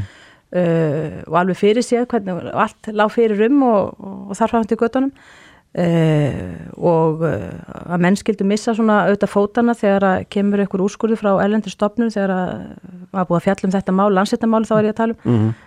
varðandi og hæstir þetta búin að stimpla það allt þetta hafði nú verið löglegar embættisveitingar þar fram til göttunum að eh, þá var alveg ljóst að menn ætluði samt sem áður að nota þetta mm. persónulega mig og ég hafði ekki áhuga að láta það eh, gerast þannig að uh, þetta var ákvörðin sem ég tók og sínu nú kannski hversu samvernu þýði ég er nú að því að þú varst að nefna það hérna fyrir viðtælinu ég væri á mótið þess að vera mótið þannig að, að því leytir ég kannski líka praktiskur mm, stjórnmálumæður mm, mm. uh, það er auðvitað ekki hægt að hérna, láta allt hérna hrinja uh, hverfast um einhverja eina mannesku þá ekki vera þannig hvorki mig eða aðra mm. stjórnmálumenn þannig að svona fór það en, en ég finn það vakti mikla tilfinningar hjá, hjá mörgum sjálfstæðismönnum hins vegar, það er alveg ljóst Já. En sko, þú, þú sagðir á hann hérna, varstu að tala um að margir hæri minn væri ekki sjálfstæðismönnum og það er mhm. svona áhugavert að aðeins að spyrja út í það vegna að þarna auðvitað er þannig að, að, að það hefur kvarnast úr fylgi sjálfstæðarflokksins og mm. viðreist var til og, og hluti sjálfstæðarmanna fór í miðflokkin eða einhver, allaveg einhverju nokkrir og svona þetta er, þetta er öðruvísi, þetta er líka því sem að vinstrið var hér áður fyrir alltaf, það er mm -hmm. margir flokkar á svipuðum slóðum mm -hmm. og, þarna, og þetta mun alltaf breyta hennu pólitíska landslægi og, og mér er svona og það var maður sem daginn sem sagði mig að sjálfstæðarflokkurinn væri bara regljóðsamtök mm -hmm. ég meina, er þið það, er hann það er þetta ekki, ekki stjórnmálflokkur ennþá Jújú, jú. og eh, sko, sjálfstæðarflokkurinn hefur auðvitað rúmað bara hérna, mjög breytt spektrum hann er pólitíska litrófi mm. og þannig held ég að að flokknum uh, farnist, en það er ekki það sem skiptir best, það er ekki það sem skiptir máli heldur, þannig held ég líka sko, þjóðinni farnist best, að flokkurinn rúmi mm. uh, hérna marga skoðanir sem eru þó allar eh, brendar sama marki, þar að segja fólk sem að vil eh, saminast um það að lámarka ríkisafskipti og frelsi einstaklingsins og allt þar fram til göttunum En ykkur hefur ekki búið gæfa til þess að halda saman núna undir hörnum Nei, ekki undarfærið, já og ég hérna kannski er flokkurinn allt og mikið að elda aðra flokka í hérna stefnumálum og þá þinnist út svona megin skilabóði sem er þetta að lámarka hérna, ríkisafskiptin, umsöfi ríkisins og uh, eins og marg oft hefur verið bent á sko, sjálfstaflokkun keppir auðvitað ekki við vinstri flokka um sko, einhver vinstri málefni það er bara eins og með, mm -hmm. með gósvatni þarna, menn bara kaupa hérna, upprunulega bræðið sko, ef menn vilja það, þannig að menn er kannski að flokkurinn þarf kannski að, að brína sig í þessum skilabóðum sínum um, um hvað sjálfstæðsflokkurinn uh, út af hvað hann stendur og... Já, ég fór inn á heimasíðuna, ég mann ekki hvort á þessu síðustu eða þar síðustu kostningur og þá vakti aðdegl mín að á tveimdöfum fyrir kjörda þá voru helstu málefni listuð upp.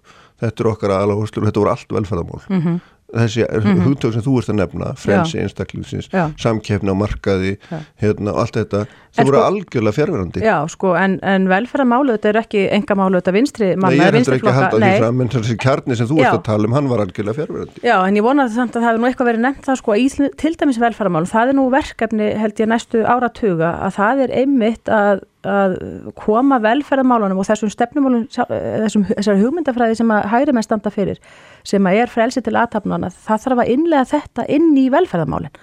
Uh, við sjáum það bara núna í þessum faraldri hérna hvernig enga fyrirtæki og þróun, frjáls svona þróun á mm. markaði hefur hjálpað til í þessum... Í saminu við ríkisvöldu ekki gleyna því. Já, já, algjörlega, algjörlega og, uh, og sjálfstæðsflokkurinn og ekki ég uh, hefur enginn talað um nokkuð tíma til þess að leggja nú landsbítalan en sko en það þarf að vera pláss fyrir aðra, það þarf að mm. vera svigrum fyrir aðra, ekki bara þess að út af svigruminu sjálfu, heldur vegna þess að í slíku svigrumi þá verða til hlutir sem að verða aldrei til hjá ríkinu mm -hmm.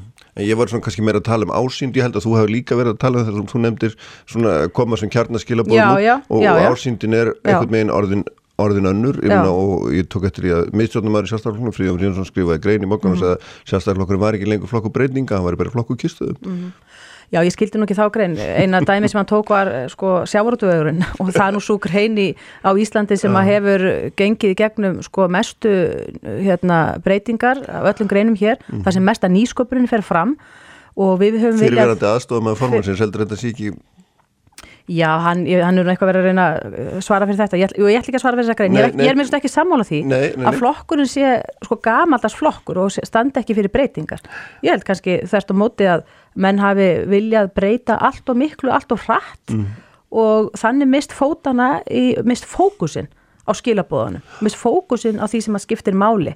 Og það er að veita hérna stjórnmálamönnum aðhald, ekki þó með því að færa vald uh, úr stjórnmálunum inn í embætismannakerfið eins og hefur mjög mikið verið hérna og hefur verið látið átölulegst allt og mikið auðvitað af, af, af, af öllu stjórnmála uh, lífinu. Mm.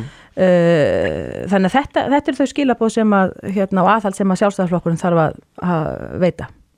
En hva, svona, svo, hvar, hvar ert þú í þessum, þessum margarma flokki, veist Ertu með hérna, biblíurbeltin á Suðurlandi eða, eða, eða ertu í frjálstundahófnum í Reykjavík eða landsbyðin, meina, þetta eru fjölmargir armar sem að, hérna, maður getur auðvitað svona innan gæðslappa að dreyja fram. Já, já, það eru, sko, getur verið gaglegt stundum að draga mm. fram svona arma mm. vegna þess að það skerpir kannski aðeins sín og það skerpir umræðu og hérna, ég hæðist hann ekki neitt, nei, ég er nú ekki, ég er náttúrulega bara reykvíkingur eins og þekkir og og hérna frjálslindur reikvikingur þannig að uh, og er ekki beintinn einum örmum ég, það, ég finn mig með svo stekkin einum örmum þannig að mm. í floknum heldur kannski eh, geta átt gott samtal við alla þessa hópa sem þú nefnir og, um, og það er nú auðvitað mjög mikilvægt að mikilvægt kjörni fulltrúar geti gert það og uh, ergi sér ekki á uh, kannski svo sprett upp nýjur hópar til dæmis innan sjálfsflokklins, mm. það hefur verið að sprett upp nýjur hópar eldri sjálfstæðismanna eða svona vilja standa verðum fullveldið og annað Já. og einhverjir er að ergja sig á okkur svoleiðis mm. uh, mér finnst þetta algjör óþarfi það á þetta flokkurna á að rúma alla svona, hvað maður að segja, sellur uh, þær geta bara aukið á umræðuna og, hérna, og menn takist aðeins á um hugmyndafræð og það er það sem skiptir máli, að mm. menn skerpi sig hver í sínu hortni en hérna stefna sjálfstæðisflokksins eru auðvitað bara hins vegar kýrskýr og hún verður að vera það. Og það er auðvitað uh, flokkur sem að stendur vörðum frjáls viðskipti, uh, milliríkja viðskipti, uh, er alþjóðlega sinnaður en þó um leið stendur vörð um fullveldi sitt. Það auðvitað skiptir mjög miklu máli. Þannig að þetta er svona þessi gildi sem að, að við erum að halda á loft og ég held að allir gerir það í þessum örmum sem að þú, þú talar um. Já, ég myndi þú ert vissið það handvis. En hva, hvernig er sko staðaflokk sem að svona er, er þannig að, að löngu fyrir kostningar eru þó nokkur búin að lýsa því yfir að þeir geti ekki hugsa sér að vinna með honum og áður og hérna fram til þess að hefur þetta verið þannig að það hefur valla verið mynd ríkistjórni, ég veit ekki ára tugi mm. ánflokksins, það eru einhver erfá að dæmi um það en, en hérna en sá möguleiki verður bara alltaf eh, svona líklegri Þessari spurningu átt að beina einmitt af já, þessum oft, flokkum. Oft, oft gert það líka, mér langar bara að fá þitt alveg. Já, vegna þess að mér finnst, sko, þetta klagar ekkert upp á sjálfstæðisflokkin mm -hmm. í sjálfsveit, en þetta er auðvitað mjög, hvað, sko, alvarlegt fyrir þá flokka. Kallar þetta ekki þá skoðun á því hvernig maður er sjálfur ef að hérna? Sem að þeir, sem að þetta klagar auðvitað upp á þá flokka sem gefa út fyrirfram svona yfirlýsingar. Mm. Hvað er þið sagt ef sjálfstæðisflokkurinn gæfi það út fyrirfram að hann myndi aldrei vinna með kommunistum? Hefði, hann hefði eitthvað gert það eða þú veist, myndi aldrei, aldrei gera það fyrir mm. eitthvað kostningar, nei, það hefur flokkurinn aldrei gert hann er mm. alltaf sagt og við höldum því til haga mm. við göngum algjörlega óbundin mm. til kostninga hverju sinni, það eru auðvitað skilda þeirra sem taka þátt í þessu líðræðislega fyrirkomulega sem við höfum sem eru kostningar og stjórnarmyndun að leita allar að leiða til þess að mynda starfhafa ríkistjórn svo að hérna, þessu flegi hérna verði áfram stýrt þannig sko menn verða eigast að það við sig flokkar eins og hérna samfélkingin sem að lýsir þessu yfir og mér sýnist nú ekki neitt ríða mjög feitum hesti frá svona yfirlýsingum mm. almennt mm. og þetta sama á við um þessa flokka sem hafa hlaupi frá ríkistjórn uh, með sjálfstæðisflokknum Uh, eins og við lendum í skamvinu ríkistjórnarsamstarfi 2017 mm -hmm.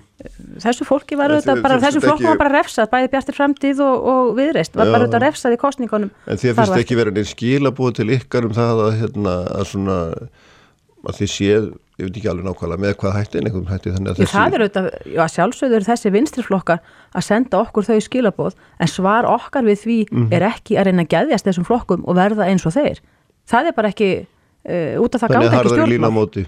ekkert harðar í línamóti, þetta er mm -hmm. bara okkar lína. Við höldum okkar striki. Mm -hmm. og meðum ekki missa sjónar af því út á hvað hérna, sjálfstæðisflokkurinn gengur og þeir sem bjóðu sér fram fyrir sjálfstæðisflokkin mm -hmm. ef að það fyrir að kvarnast undan því nú þá er þetta, eh, sko þegar sjálfstæðisflokkurinn er ekkert náttúrulegumál þá er þetta kvarnast undan flokknum mhm. ef að það er. Það eins, og, eins og við sjáum, það er nóg af öðrum flokkum sko. þeir eru sjö aðrir sko hinum einn þannig að það er engin hörgull af vinstriflokkum En flokkur eh, um þessi gildi, góðu gildi sem ég er að nefna, frelsi einstaklingsins, lámörkun ríkisafskipta og uh, hérna, samskipti á milli landa, frjál samskipti á milli landa. Sjálfstæðarflokkur er einu flokkurinn sem heldur þessum gildum til haga. Mm. Hvað hva finnst þér að vera svona, hvaða hva prinsipmál telur þú að myndu geta hindra það að sjálfstæðarflokkur færi ríkistjórn segjum til dæmis, eh, segjum að færi ríkistjórn sem að hefði að megi markmiða og sem eru fjóri flokkar og þrýraði vildu gangu NATO. Mm -hmm. myndi sjálfstæðarflokkurinn vilja vera í slíkir ríkistjórn bara svo dæmi sér tekið, bara eitthvað er, hvaða mál er það svona það sem að þú já, segir bara hinga og ekki lengra? Já, það er til dæmis eitt, ég myndi mm. líka segja að flokkur sem að ríkistjórnar samstarf sem að hefði það markmiða að hækka hér skatta það væri ekki ríkisjótt sem sjálfstæðisflokkurinn ætti að taka þátt í, mm -hmm. alveg tímanlust mm -hmm. En heldur það að séu margir sjálfstæðismið samanlegur um það? Já, það held ég mm -hmm. og það eru þetta þingflokks sjálfstæðisflokksins hverju sinni að samþykja ríkisjónarsamstarf uh, eh, svo því sé nú haldið til haga þannig að það þarf að vera stuðningur þingmann á kjöruna fulltrúa fyrir hverju einasta ríkisjónarsamstarf þannig að þetta er til dæmis mm. mál sem að ég held að nú alltaf veit maður ekki, það kannu þetta vera að það verði kostnir á þing fyrir sjálfstæðisflokknir fólk sem er bara í einhverjum öðrum heimi Já. þá er það enn, þú veist, þá held ég að það sé uh, þá kvarnist nú fljótt undan sjálfstæðisflokknum. Mm -hmm. En það var sem snatursamstarfi, skattahækkanir, er eitthvað fleiri Já, eitthvað stórkvæmslega skattahækkanir, já, ég menna á al, bara auðvitað einhverju umbylting og bylting hérna á þjóðfélaginu mm. sem að auðvitað sumir flokkar er að bóða Þeir, var það ekki kalla, talað eftir hrunið, fjármálarhrunið eða hrunbankarhrunið vildum en þá ekki fá hvað kallaðist það restart sko bara eitthvað hérna mm -hmm. á öllu þjóðfélagin og það er eitthvað sem að mhm. sjálfstæðisflokkurinn uh, er ekki að fara að styðja í ríkisvöldnarsamstæði En hvernig hefur þér hugnast að vera í, ég, ég mynda mér að svona, þinn höfuð anstægur stjórnmáli séu vinstir græn, ætti að vera þannig að maður fer út á þessum politíska ás mm. nú er það ykkar nánasti samstæðarflokkur að heita mm. mál Já, já, ég menna er, þetta er líka kannski svolítið einföld nálgun að horfa á þetta spektrum svona eitthvað sem einhvern ás, hægri vinstri uh, vegna þess að það er eins og ég nefndi að því þú uh, nefndi hérna, þingmann vinstri græna hérna áðan mm. sem var hjá þér sko. Uh, það er auðvitað margt með það eru margi þræðir sem að líka milli svona klassiskra vinstrimanna ég tala nú ekki um þessar þingmann sem koma utan af landi ofta á tíðum, ég er ekki bara að tala um núna á þessu kjörtíðanbili það sem að þráðurinn er kannski stittri á milli sjálfstæðisflokksins og þeirra heldur en kannski annara flokka. Þannig ég veit ekki en það sem að manni kannski hugnast minnst í þessari, þessari pólitísku þróun það eru þessi upprópana stjórnmál, það er þessi endalusa geðsræring sem grýpur alltaf um sig einhvern veginn uh, við minnsta tilefni sem að uh, hérna, færir svona fókusin yfir í einhver smáatriði sem að litlumáli skipta frá kannski megin heildar myndinni og það er hérna, það eru þingmenn úr öllum flokkum sem eru þessi, þessu marki brendir og, og það skiptir kannski ekki máli sko hvort það vinstri hægri pólitík mm -hmm. í mhm. þeim efnum. Þannig að ég kalla nú bara eftir svona aðeins meiri kannski yfirfegun í, í þetta allt saman. Minni áhrif á samfélagsmiðlum Já og svo er líka auðvitað núna þróun hérna á Íslandi og kannski viða líka. Það er svona ákveðin átakafælni hjá stjórnmálamönnum menn er ekki að taka afstöð til mála menn bara vilja færa allt til embætismanna, til sérfræðingana eins og það er kallað. Mm -hmm. það er ekki góð þróun. Uh, því hún er ekki líðræðisleg, hún er ógagsæ uh, og hún er alveg fullkomlega án ábyrðar mm -hmm. þannig að þetta er svona þróun sem að jóktast að margir stjórn, stjórnmálflokkar vilja íta undir uh, og ég held að sjálfstæðisflokkurinn þurfi að, mm. að vera skýr í þeim efnum. Mundi þrý ekki í COVID-19 falla undir þetta? E, Nei, ég menna þau, þau gera það nú. Menn, menn það hérna, þessi mantra hún er endur tekið marg og það þarf bara að hlusta á það og hlýða. En að samanskapi leggur heilbríðsrað þar áherslu á að, að hún ráði og hún gefur reglugjörðirnar og svona. Og það er auðvitað nöðsend að það sé þannig. En það má ekki bara vera þannig e, í orði, það þarf líka að vera þannig á borði. Mm. Og ég hef nú kallað eftir í þeim, þessum efnum til dæmis meiru umræð og þinginu um þessar aðgerðir e, ekki af því ég sé á móti öllum sem aðgerðum heldur bara e, af því ég tel að það þingi þurfa að vera upplýst um það og það þurfi uh, þinglega meðferð mm -hmm. áður en að til sumur aðgerina er gripið. Oh. Þannig að þetta er, þetta er vafasum þróun og ég vona hún hérna haldi ekki áfram á næsta kjörtíðanbili eða næstu ári, en það þarf að stemma stegu við henni og ég held að sjálfstæðsflokkurinn sé einu flokkurinn sem að laða til sín fólk sem að kosti, sér hætturnar í þessu. Mm. Ég heldur að láta hérna, þessu loki í bílisýrjur. Takk fyrir að koma. Já, takk sumleðis. Takk fyrir það. Ég held hérna áfram eftir augnum Sælir aftur, lustendur góðir á þessum páskadagsmotni hér á Sprengisendinum, Sigriður Ástildur Andersen Þingonu sálstæðarflokksins fyrir hundi dósmálar og það að fara inn frá mér. Ég ætla að venda mínu hvaði kross, ég ætla að tala hér um, um tekní, um stafræna ferla og annað þess að látið ekki hlæði ykkur. Uh, Dóra Björn Guðjónsdóttir borgarfjöldrúi verður hérna hjá mér. Uh, hún er í forsvari fyrir nýsköpunar mannréttinda og líðræðis á borgarinnar en hefur líka megin um sjón með uh, því sem er kalluð stafræn breyting eða stafræn bilding eiginlega á vegum borgarinnar uh, varða þjónustu og ferla og allt hvað það heitir og eigði þetta 10 miljardum króna á næstu, næstu þremur árum, hvorki meirinn í minna. Já, Eldóra, velkomin til mín. Takk. Uh, við ætlum að tala saman um hérna, það sem við kallaðum svona stafræn breyting hjá Reykjavíkuborg mm -hmm. sem er hérna mjög áhugavert verkefni og kannski aldrei í, í framvalda því sem ég var að tala með hana Ragnæði hérna fyrir viku, við Ragnæði Magnúsdóttur þá vorum við að velta fyrir okkur hvaða störf eru til í framtíðinu því tæknin væri hluta til að taka hérna, breyta svo miklu og vera að breyta störfum í fólki og þetta hérna og maður er mest að vera að tala með þetta í tengslu við fyrirtækinu, auðvitað eru ofinberðir aðilar risastór vinnuveitandi Reykjavík og Borg, mm. leiðandi sannlega stærsti vinnuveitandi á Íslandi, svona ef maður tekur ríki frá sem er auðvitað svo dreift að það kannski ekki að tala um það einum er, er svona í, í samhengi sko hérna og því þeir eru að fara að setja á stað 10 miljardar verkefni mm. í raun og veru sem að snýra þessu er það ekki að svona gera Reykjavík að tæknifyrirtæki, mm -hmm. geti ekki orðað að þannig það er Algjörlega og þetta er bara fjörða innbyltingin að hérna, stökka af stað og mm. við erum að tala um að koma þjónustu Reykjavík-borgar inn í 2001. öldina mm -hmm. og núna á síðasta borgarásfundi var veitt þessi heimil til að hefja þetta stóra átak um, sem að snýra því að hraða stafrætni umbreytingu og nútímavæðingu þjónustu um mörg ár og það tengist grænaplannu sem er viðspyrnu áallun borgarina vegna COVID-19 mm -hmm og þar sem að við erum auðvitað að taka okkar ábyrg sem ofinbér aðili og fjárfesta núna þegar það er erfiðar aðstæður í samfélaginu eh, efnaðarslega og við ætlum að nýta tækifæri til þess að, að, hérna, að fjárfesta á hátt sem að nýtist bæði lofslæginu og fólki e, og ekki bara í malbyggi, heldur líka í fólki. Og þá svona hlutum eins og þjónustu umbótum sem að hér umræðir og, og á þessu ári þá um, uh, um þrjá miljardar í nútumafæðingu þjónustu og til þryggja ára um tíu miljardar sem er í rauninni uh, að, að hraða þessari umbreytingu um uh, mörg ár, ef við erum í rauninni að ráðast í umbreytingu sem átt að gerast á tíu árum á þremur árum og þess að þetta er kannski aðeins svona eins og nefn þetta er ekki malbygg og þetta er ekki hús og svona heldur eitthvað svona aðeins óraunveruleg hlutir. Er fjárfestingin, hún fælst raun að vera í því hvað, í teknikerfum, í tölvukerfum. Í hverju fælst hún í raun að vera?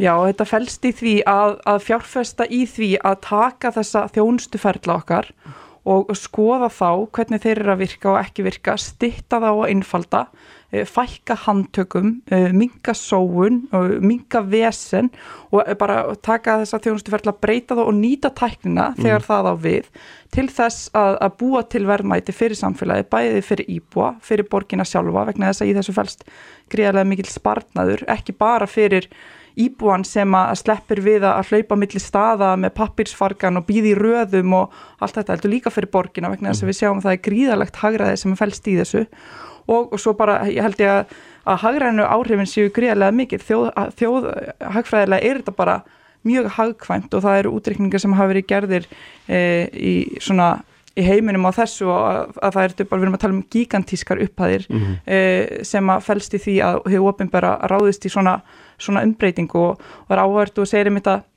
það hefur um þetta alltaf verið að tala um þetta sem eitthvað svo órinnverulegt en það sem er kannski nýtt í þessu sem við erum að gera hér er að við erum að það er verið að viðurkenna með þessu að tækni innviðir, að, að uh, upplýsingatækni og þjónustu umbætur eru raunverulegir innviðir mm -hmm. samfélagsins sem að mhm. skipta gríðar miklu máli. Mm. Það er ekki bara malbygg og götur og, og brýr og svo framvegis, það, þetta eru innviðir sem að skiptir máli að fjárfesta í og, og hérna og það sem er líka í rauninni nýtt í þessu eh, er að hér er ekki bara verið að dansa í kringum þessa gömlu innviði. Venjulega leðin er einhvern veginn að dansa endalust í kringum gamla innviði mm -hmm. e, og, og reyna að vinna með það sem er gríðarlega kostnæðarsamt og, og hérna, erfitt og tímafrekt og, og bara, you name it, bara ýmislegt sem er fallið því sem er eh, hérna, erfitt og flókið.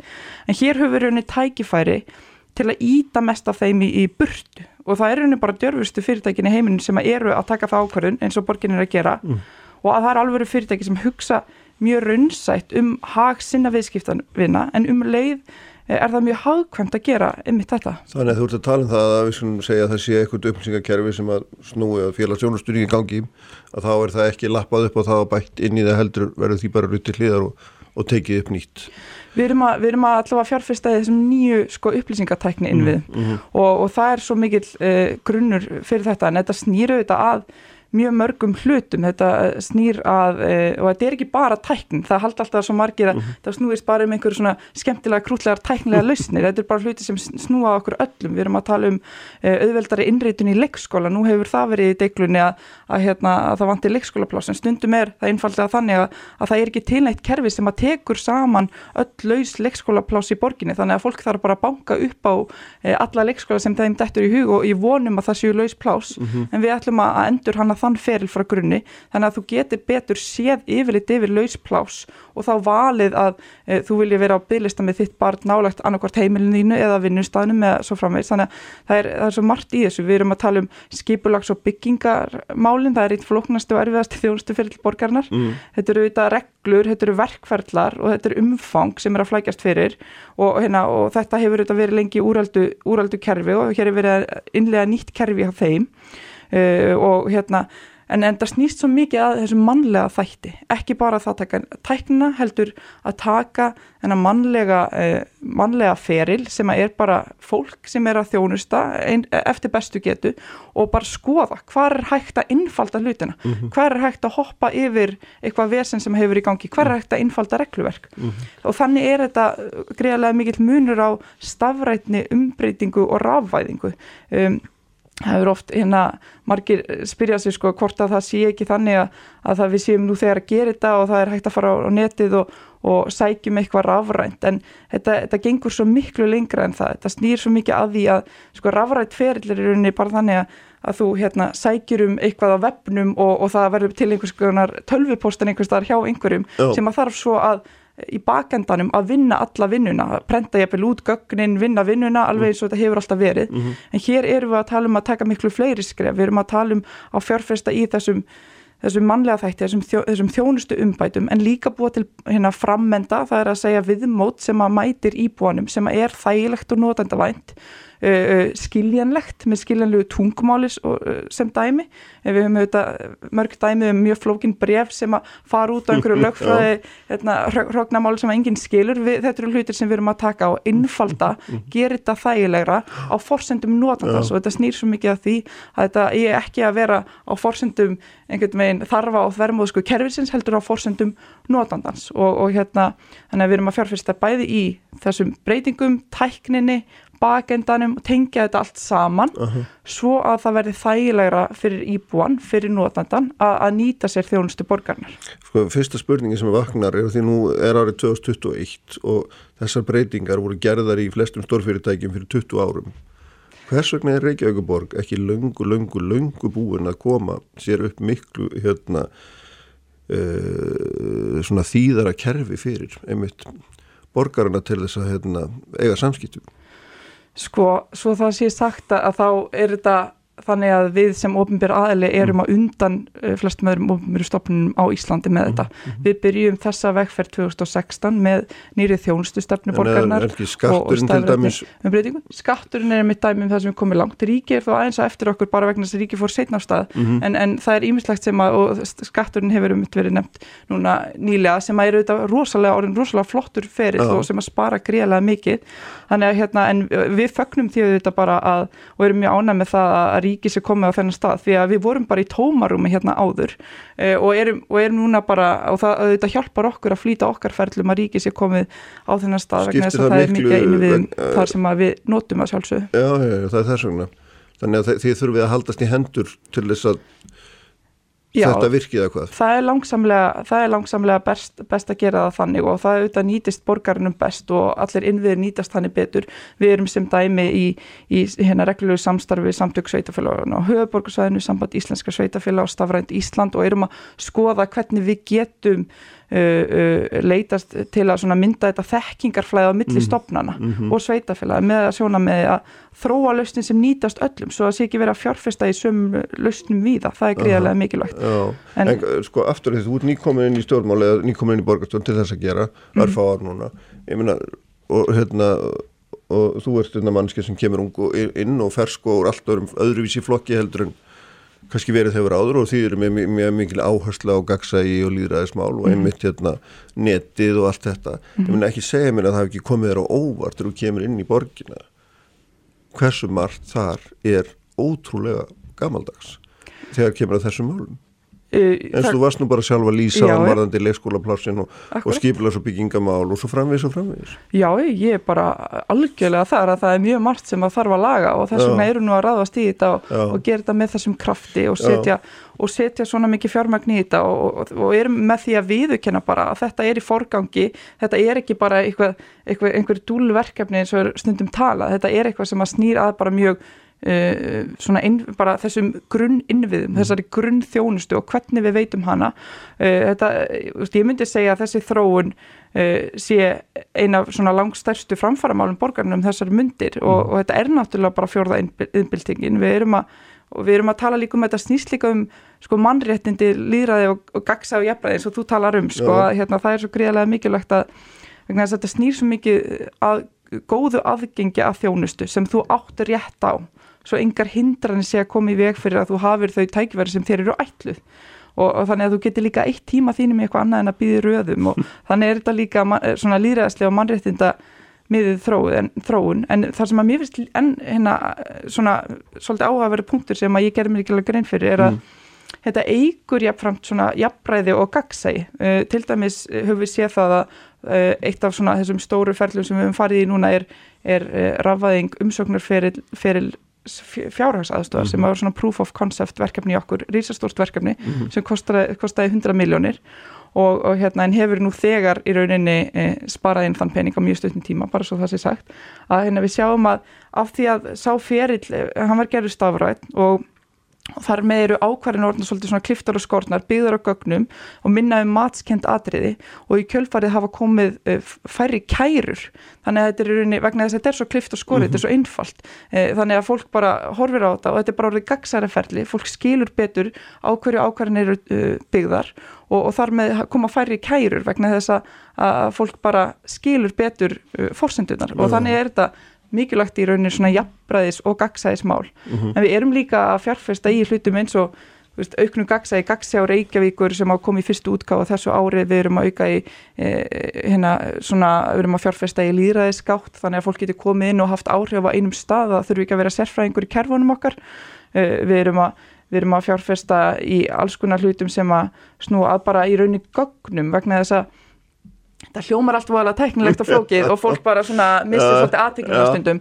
en þetta er svo mikill líkill af þessum breytingum að við tökum gögnin okkar, við erum að búa til vöruhúsgagna sem er núna tilbúið og reynsa þau þannig að þessar breytingar geti gerst hraðar. Þannig að við getum einhvern veginn bara hoppa á stað og, og gert þetta hrætt og öruglega frekar en að þurfum einhvern veginn að hanga í þessum gömlu gömlu mm. innviðum þessum, þessum hérna uh, svona úr sér gengnu uh, upplýsingatakninu og, og þannig að þá gengur þetta allt hraðar fyrir sig og þjónar í bánum betur og, og fyrr í rauninni.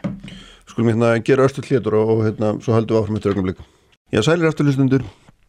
Við erum hér á svona loka sprettinum á Sprengisendunum í dag, hún er hjá mér hún Dóra Björn Guðjónsdóttir sem er auðvitað borgarfulltrúi en formaður, mannréttinda, nýsköpunar og líðra sálsveikja borgar svo ég hafi þetta nú allt saman. Allt saman rétt, stort og mikið hlutur sem þú hefur. Sko hérna og við erum búin að tala þú ert búin að greina mig frá svona eh, helstu þáttanum í þessar miklu fjárfstingu í þessum stafrænu innviðum sem að hérna ég bæta þjónustu og, og aðgengja upplýsingum auðvitað og, og vittnesku okkar um allt sem að borgin er að gera sjálfsögðu. En svona tölum aðeins um hérna hlutum hvað, þú veist, að því þú sagðir að þetta myndi spara mikið pening, vitið mm. cirka eitthvað, eða vitið eitthvað um það cirka hvað svona hvaða spartnaði borgin er að ná fram með því að breyta breyta hérna uh, yfir í þetta? Sko það er auðvitað, augljóst þetta kostar mikla peninga sem að bent hefur yfir á. en, en það er uh, ljósta að heit, þetta er þjóðhagslega hagkvæmt og hagkvæmt til lengri tíma, bara eins og góður samgöngu innviðir, mm -hmm. þannig er þetta gott og, og sparnaður til framtíðar uh, En það hefur ekkert verið metið svona... það, það er svolítið uh, vandin við hennar ábátareikning er að mm. hérna til þess að gera þetta nægilega nákvæmt uh, er það jáfnvel, meiri vinna en að smíða lausnina. Þannig að hérna, uh, veist, hvernig ábátareiknum við veru úr skakna, við vitum að við getum ekki verið án þess til þess að færi þess að vegferð. Uh, og svo er þetta mismunandi ferlar, mismikill ábati. Já. en við getum auðvitað séð ábata af því sem við hefum gert og sem dæmi þá höfum við þetta ráðist í þessa breytingu uh, varðandi fjárhagsastónum við ráðist, ráðist í ímsaðara sérstaklega velferðarmiða ferla, Eh, matar þjónustu og ímislegt og, hérna, og það sem við höfum til dæmis séð í fjárhagsaðstofunni mm. er að þar uh, var ferillin þannig að þú þurftir að fara á marga staði uh, til þess að með pappirsfarkan á milli staða uh, skila inn í, ferli sem að tók daga, jafnvel vikur.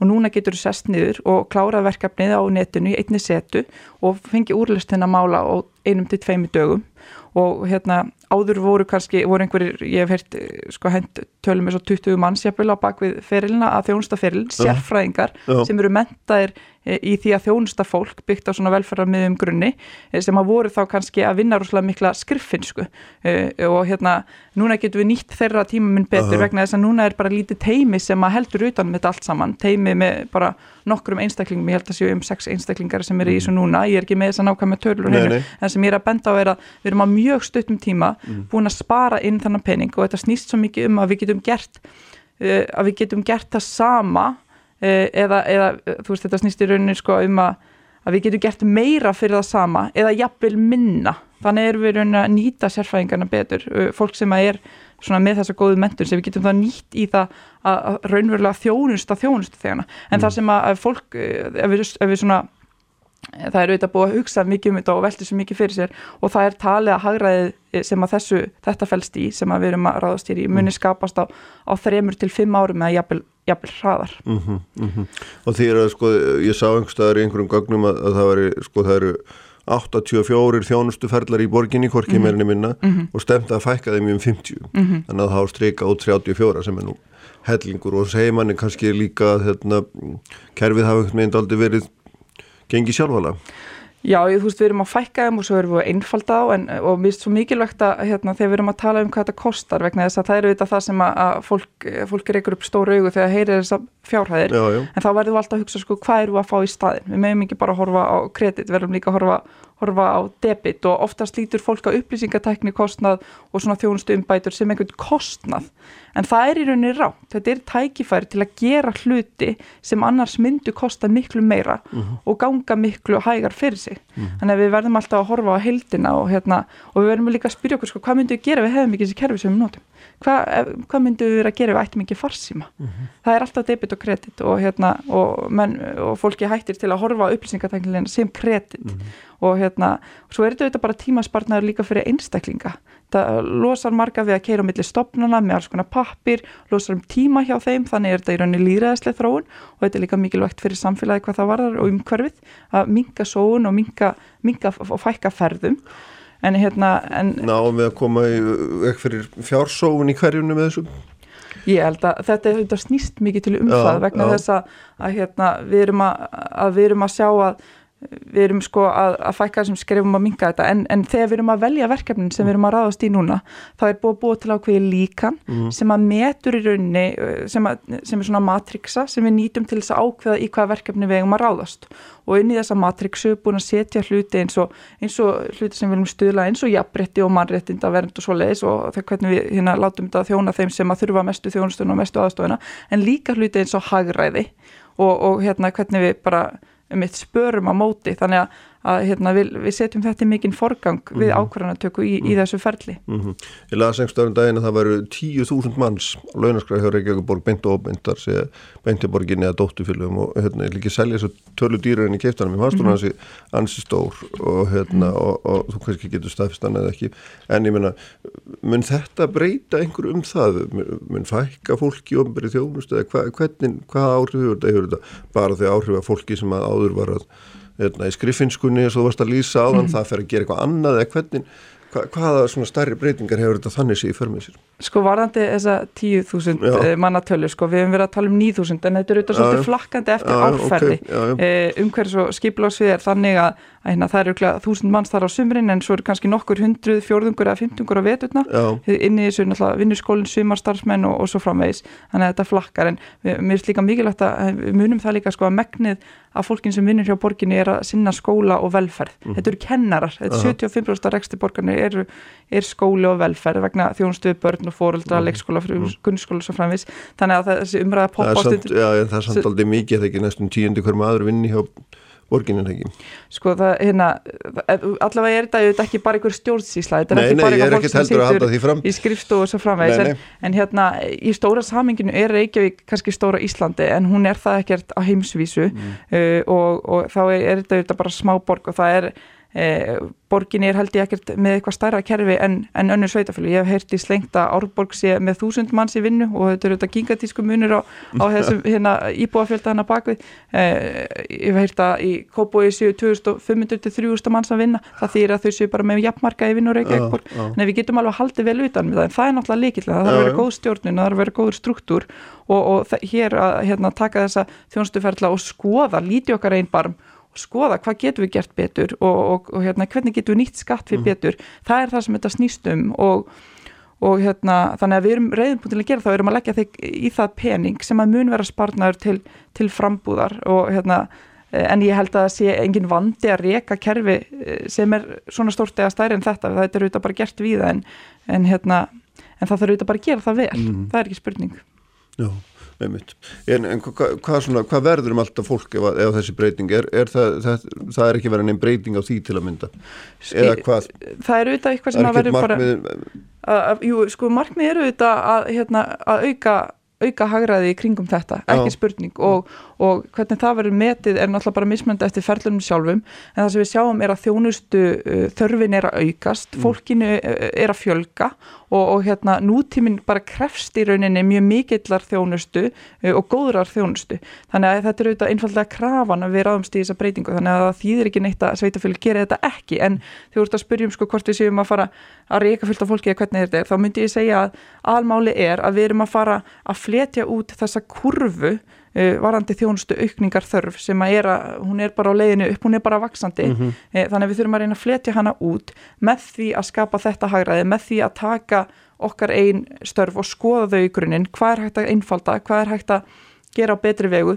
Og ekki bara þannig að þjóni skattgreðandunum og byttunni hans, heldur líka bara íbúanum sjálfum sem er hinnum einn og þarf þess að þjónustu og, og hérna, er háður henni að, hérna, að þetta snýru þetta bara að þessum þáttum öllum saman. Mm -hmm. Ljómandi, ég held að við komast ekki lengri í dag. Það verður fróðult að fylgjast með þessu næstu þrjú árin. Ég tók nú reyndar eftir því að hérna, þú ætlar að setja eh, því þrjá miljardar í þetta þessu ári.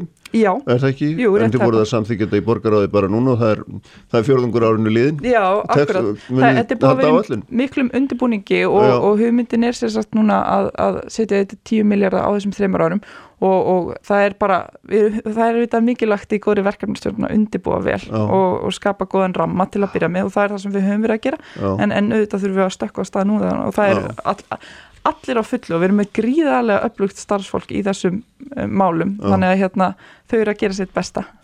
Ljófandi gott, Ára Björn Takk fyrir að koma. Takk fyrir mig. Og við verðum að láta sprengisendunum lokið í dag og auðvitað óskum við ykkur ósku ykkur allum gleðalega páska og þér auðvitað sérstaklega. Takk fyrir að koma áttu með það. Og hérna svo verðið með ykkur aftur eftir vikum. Verið sæl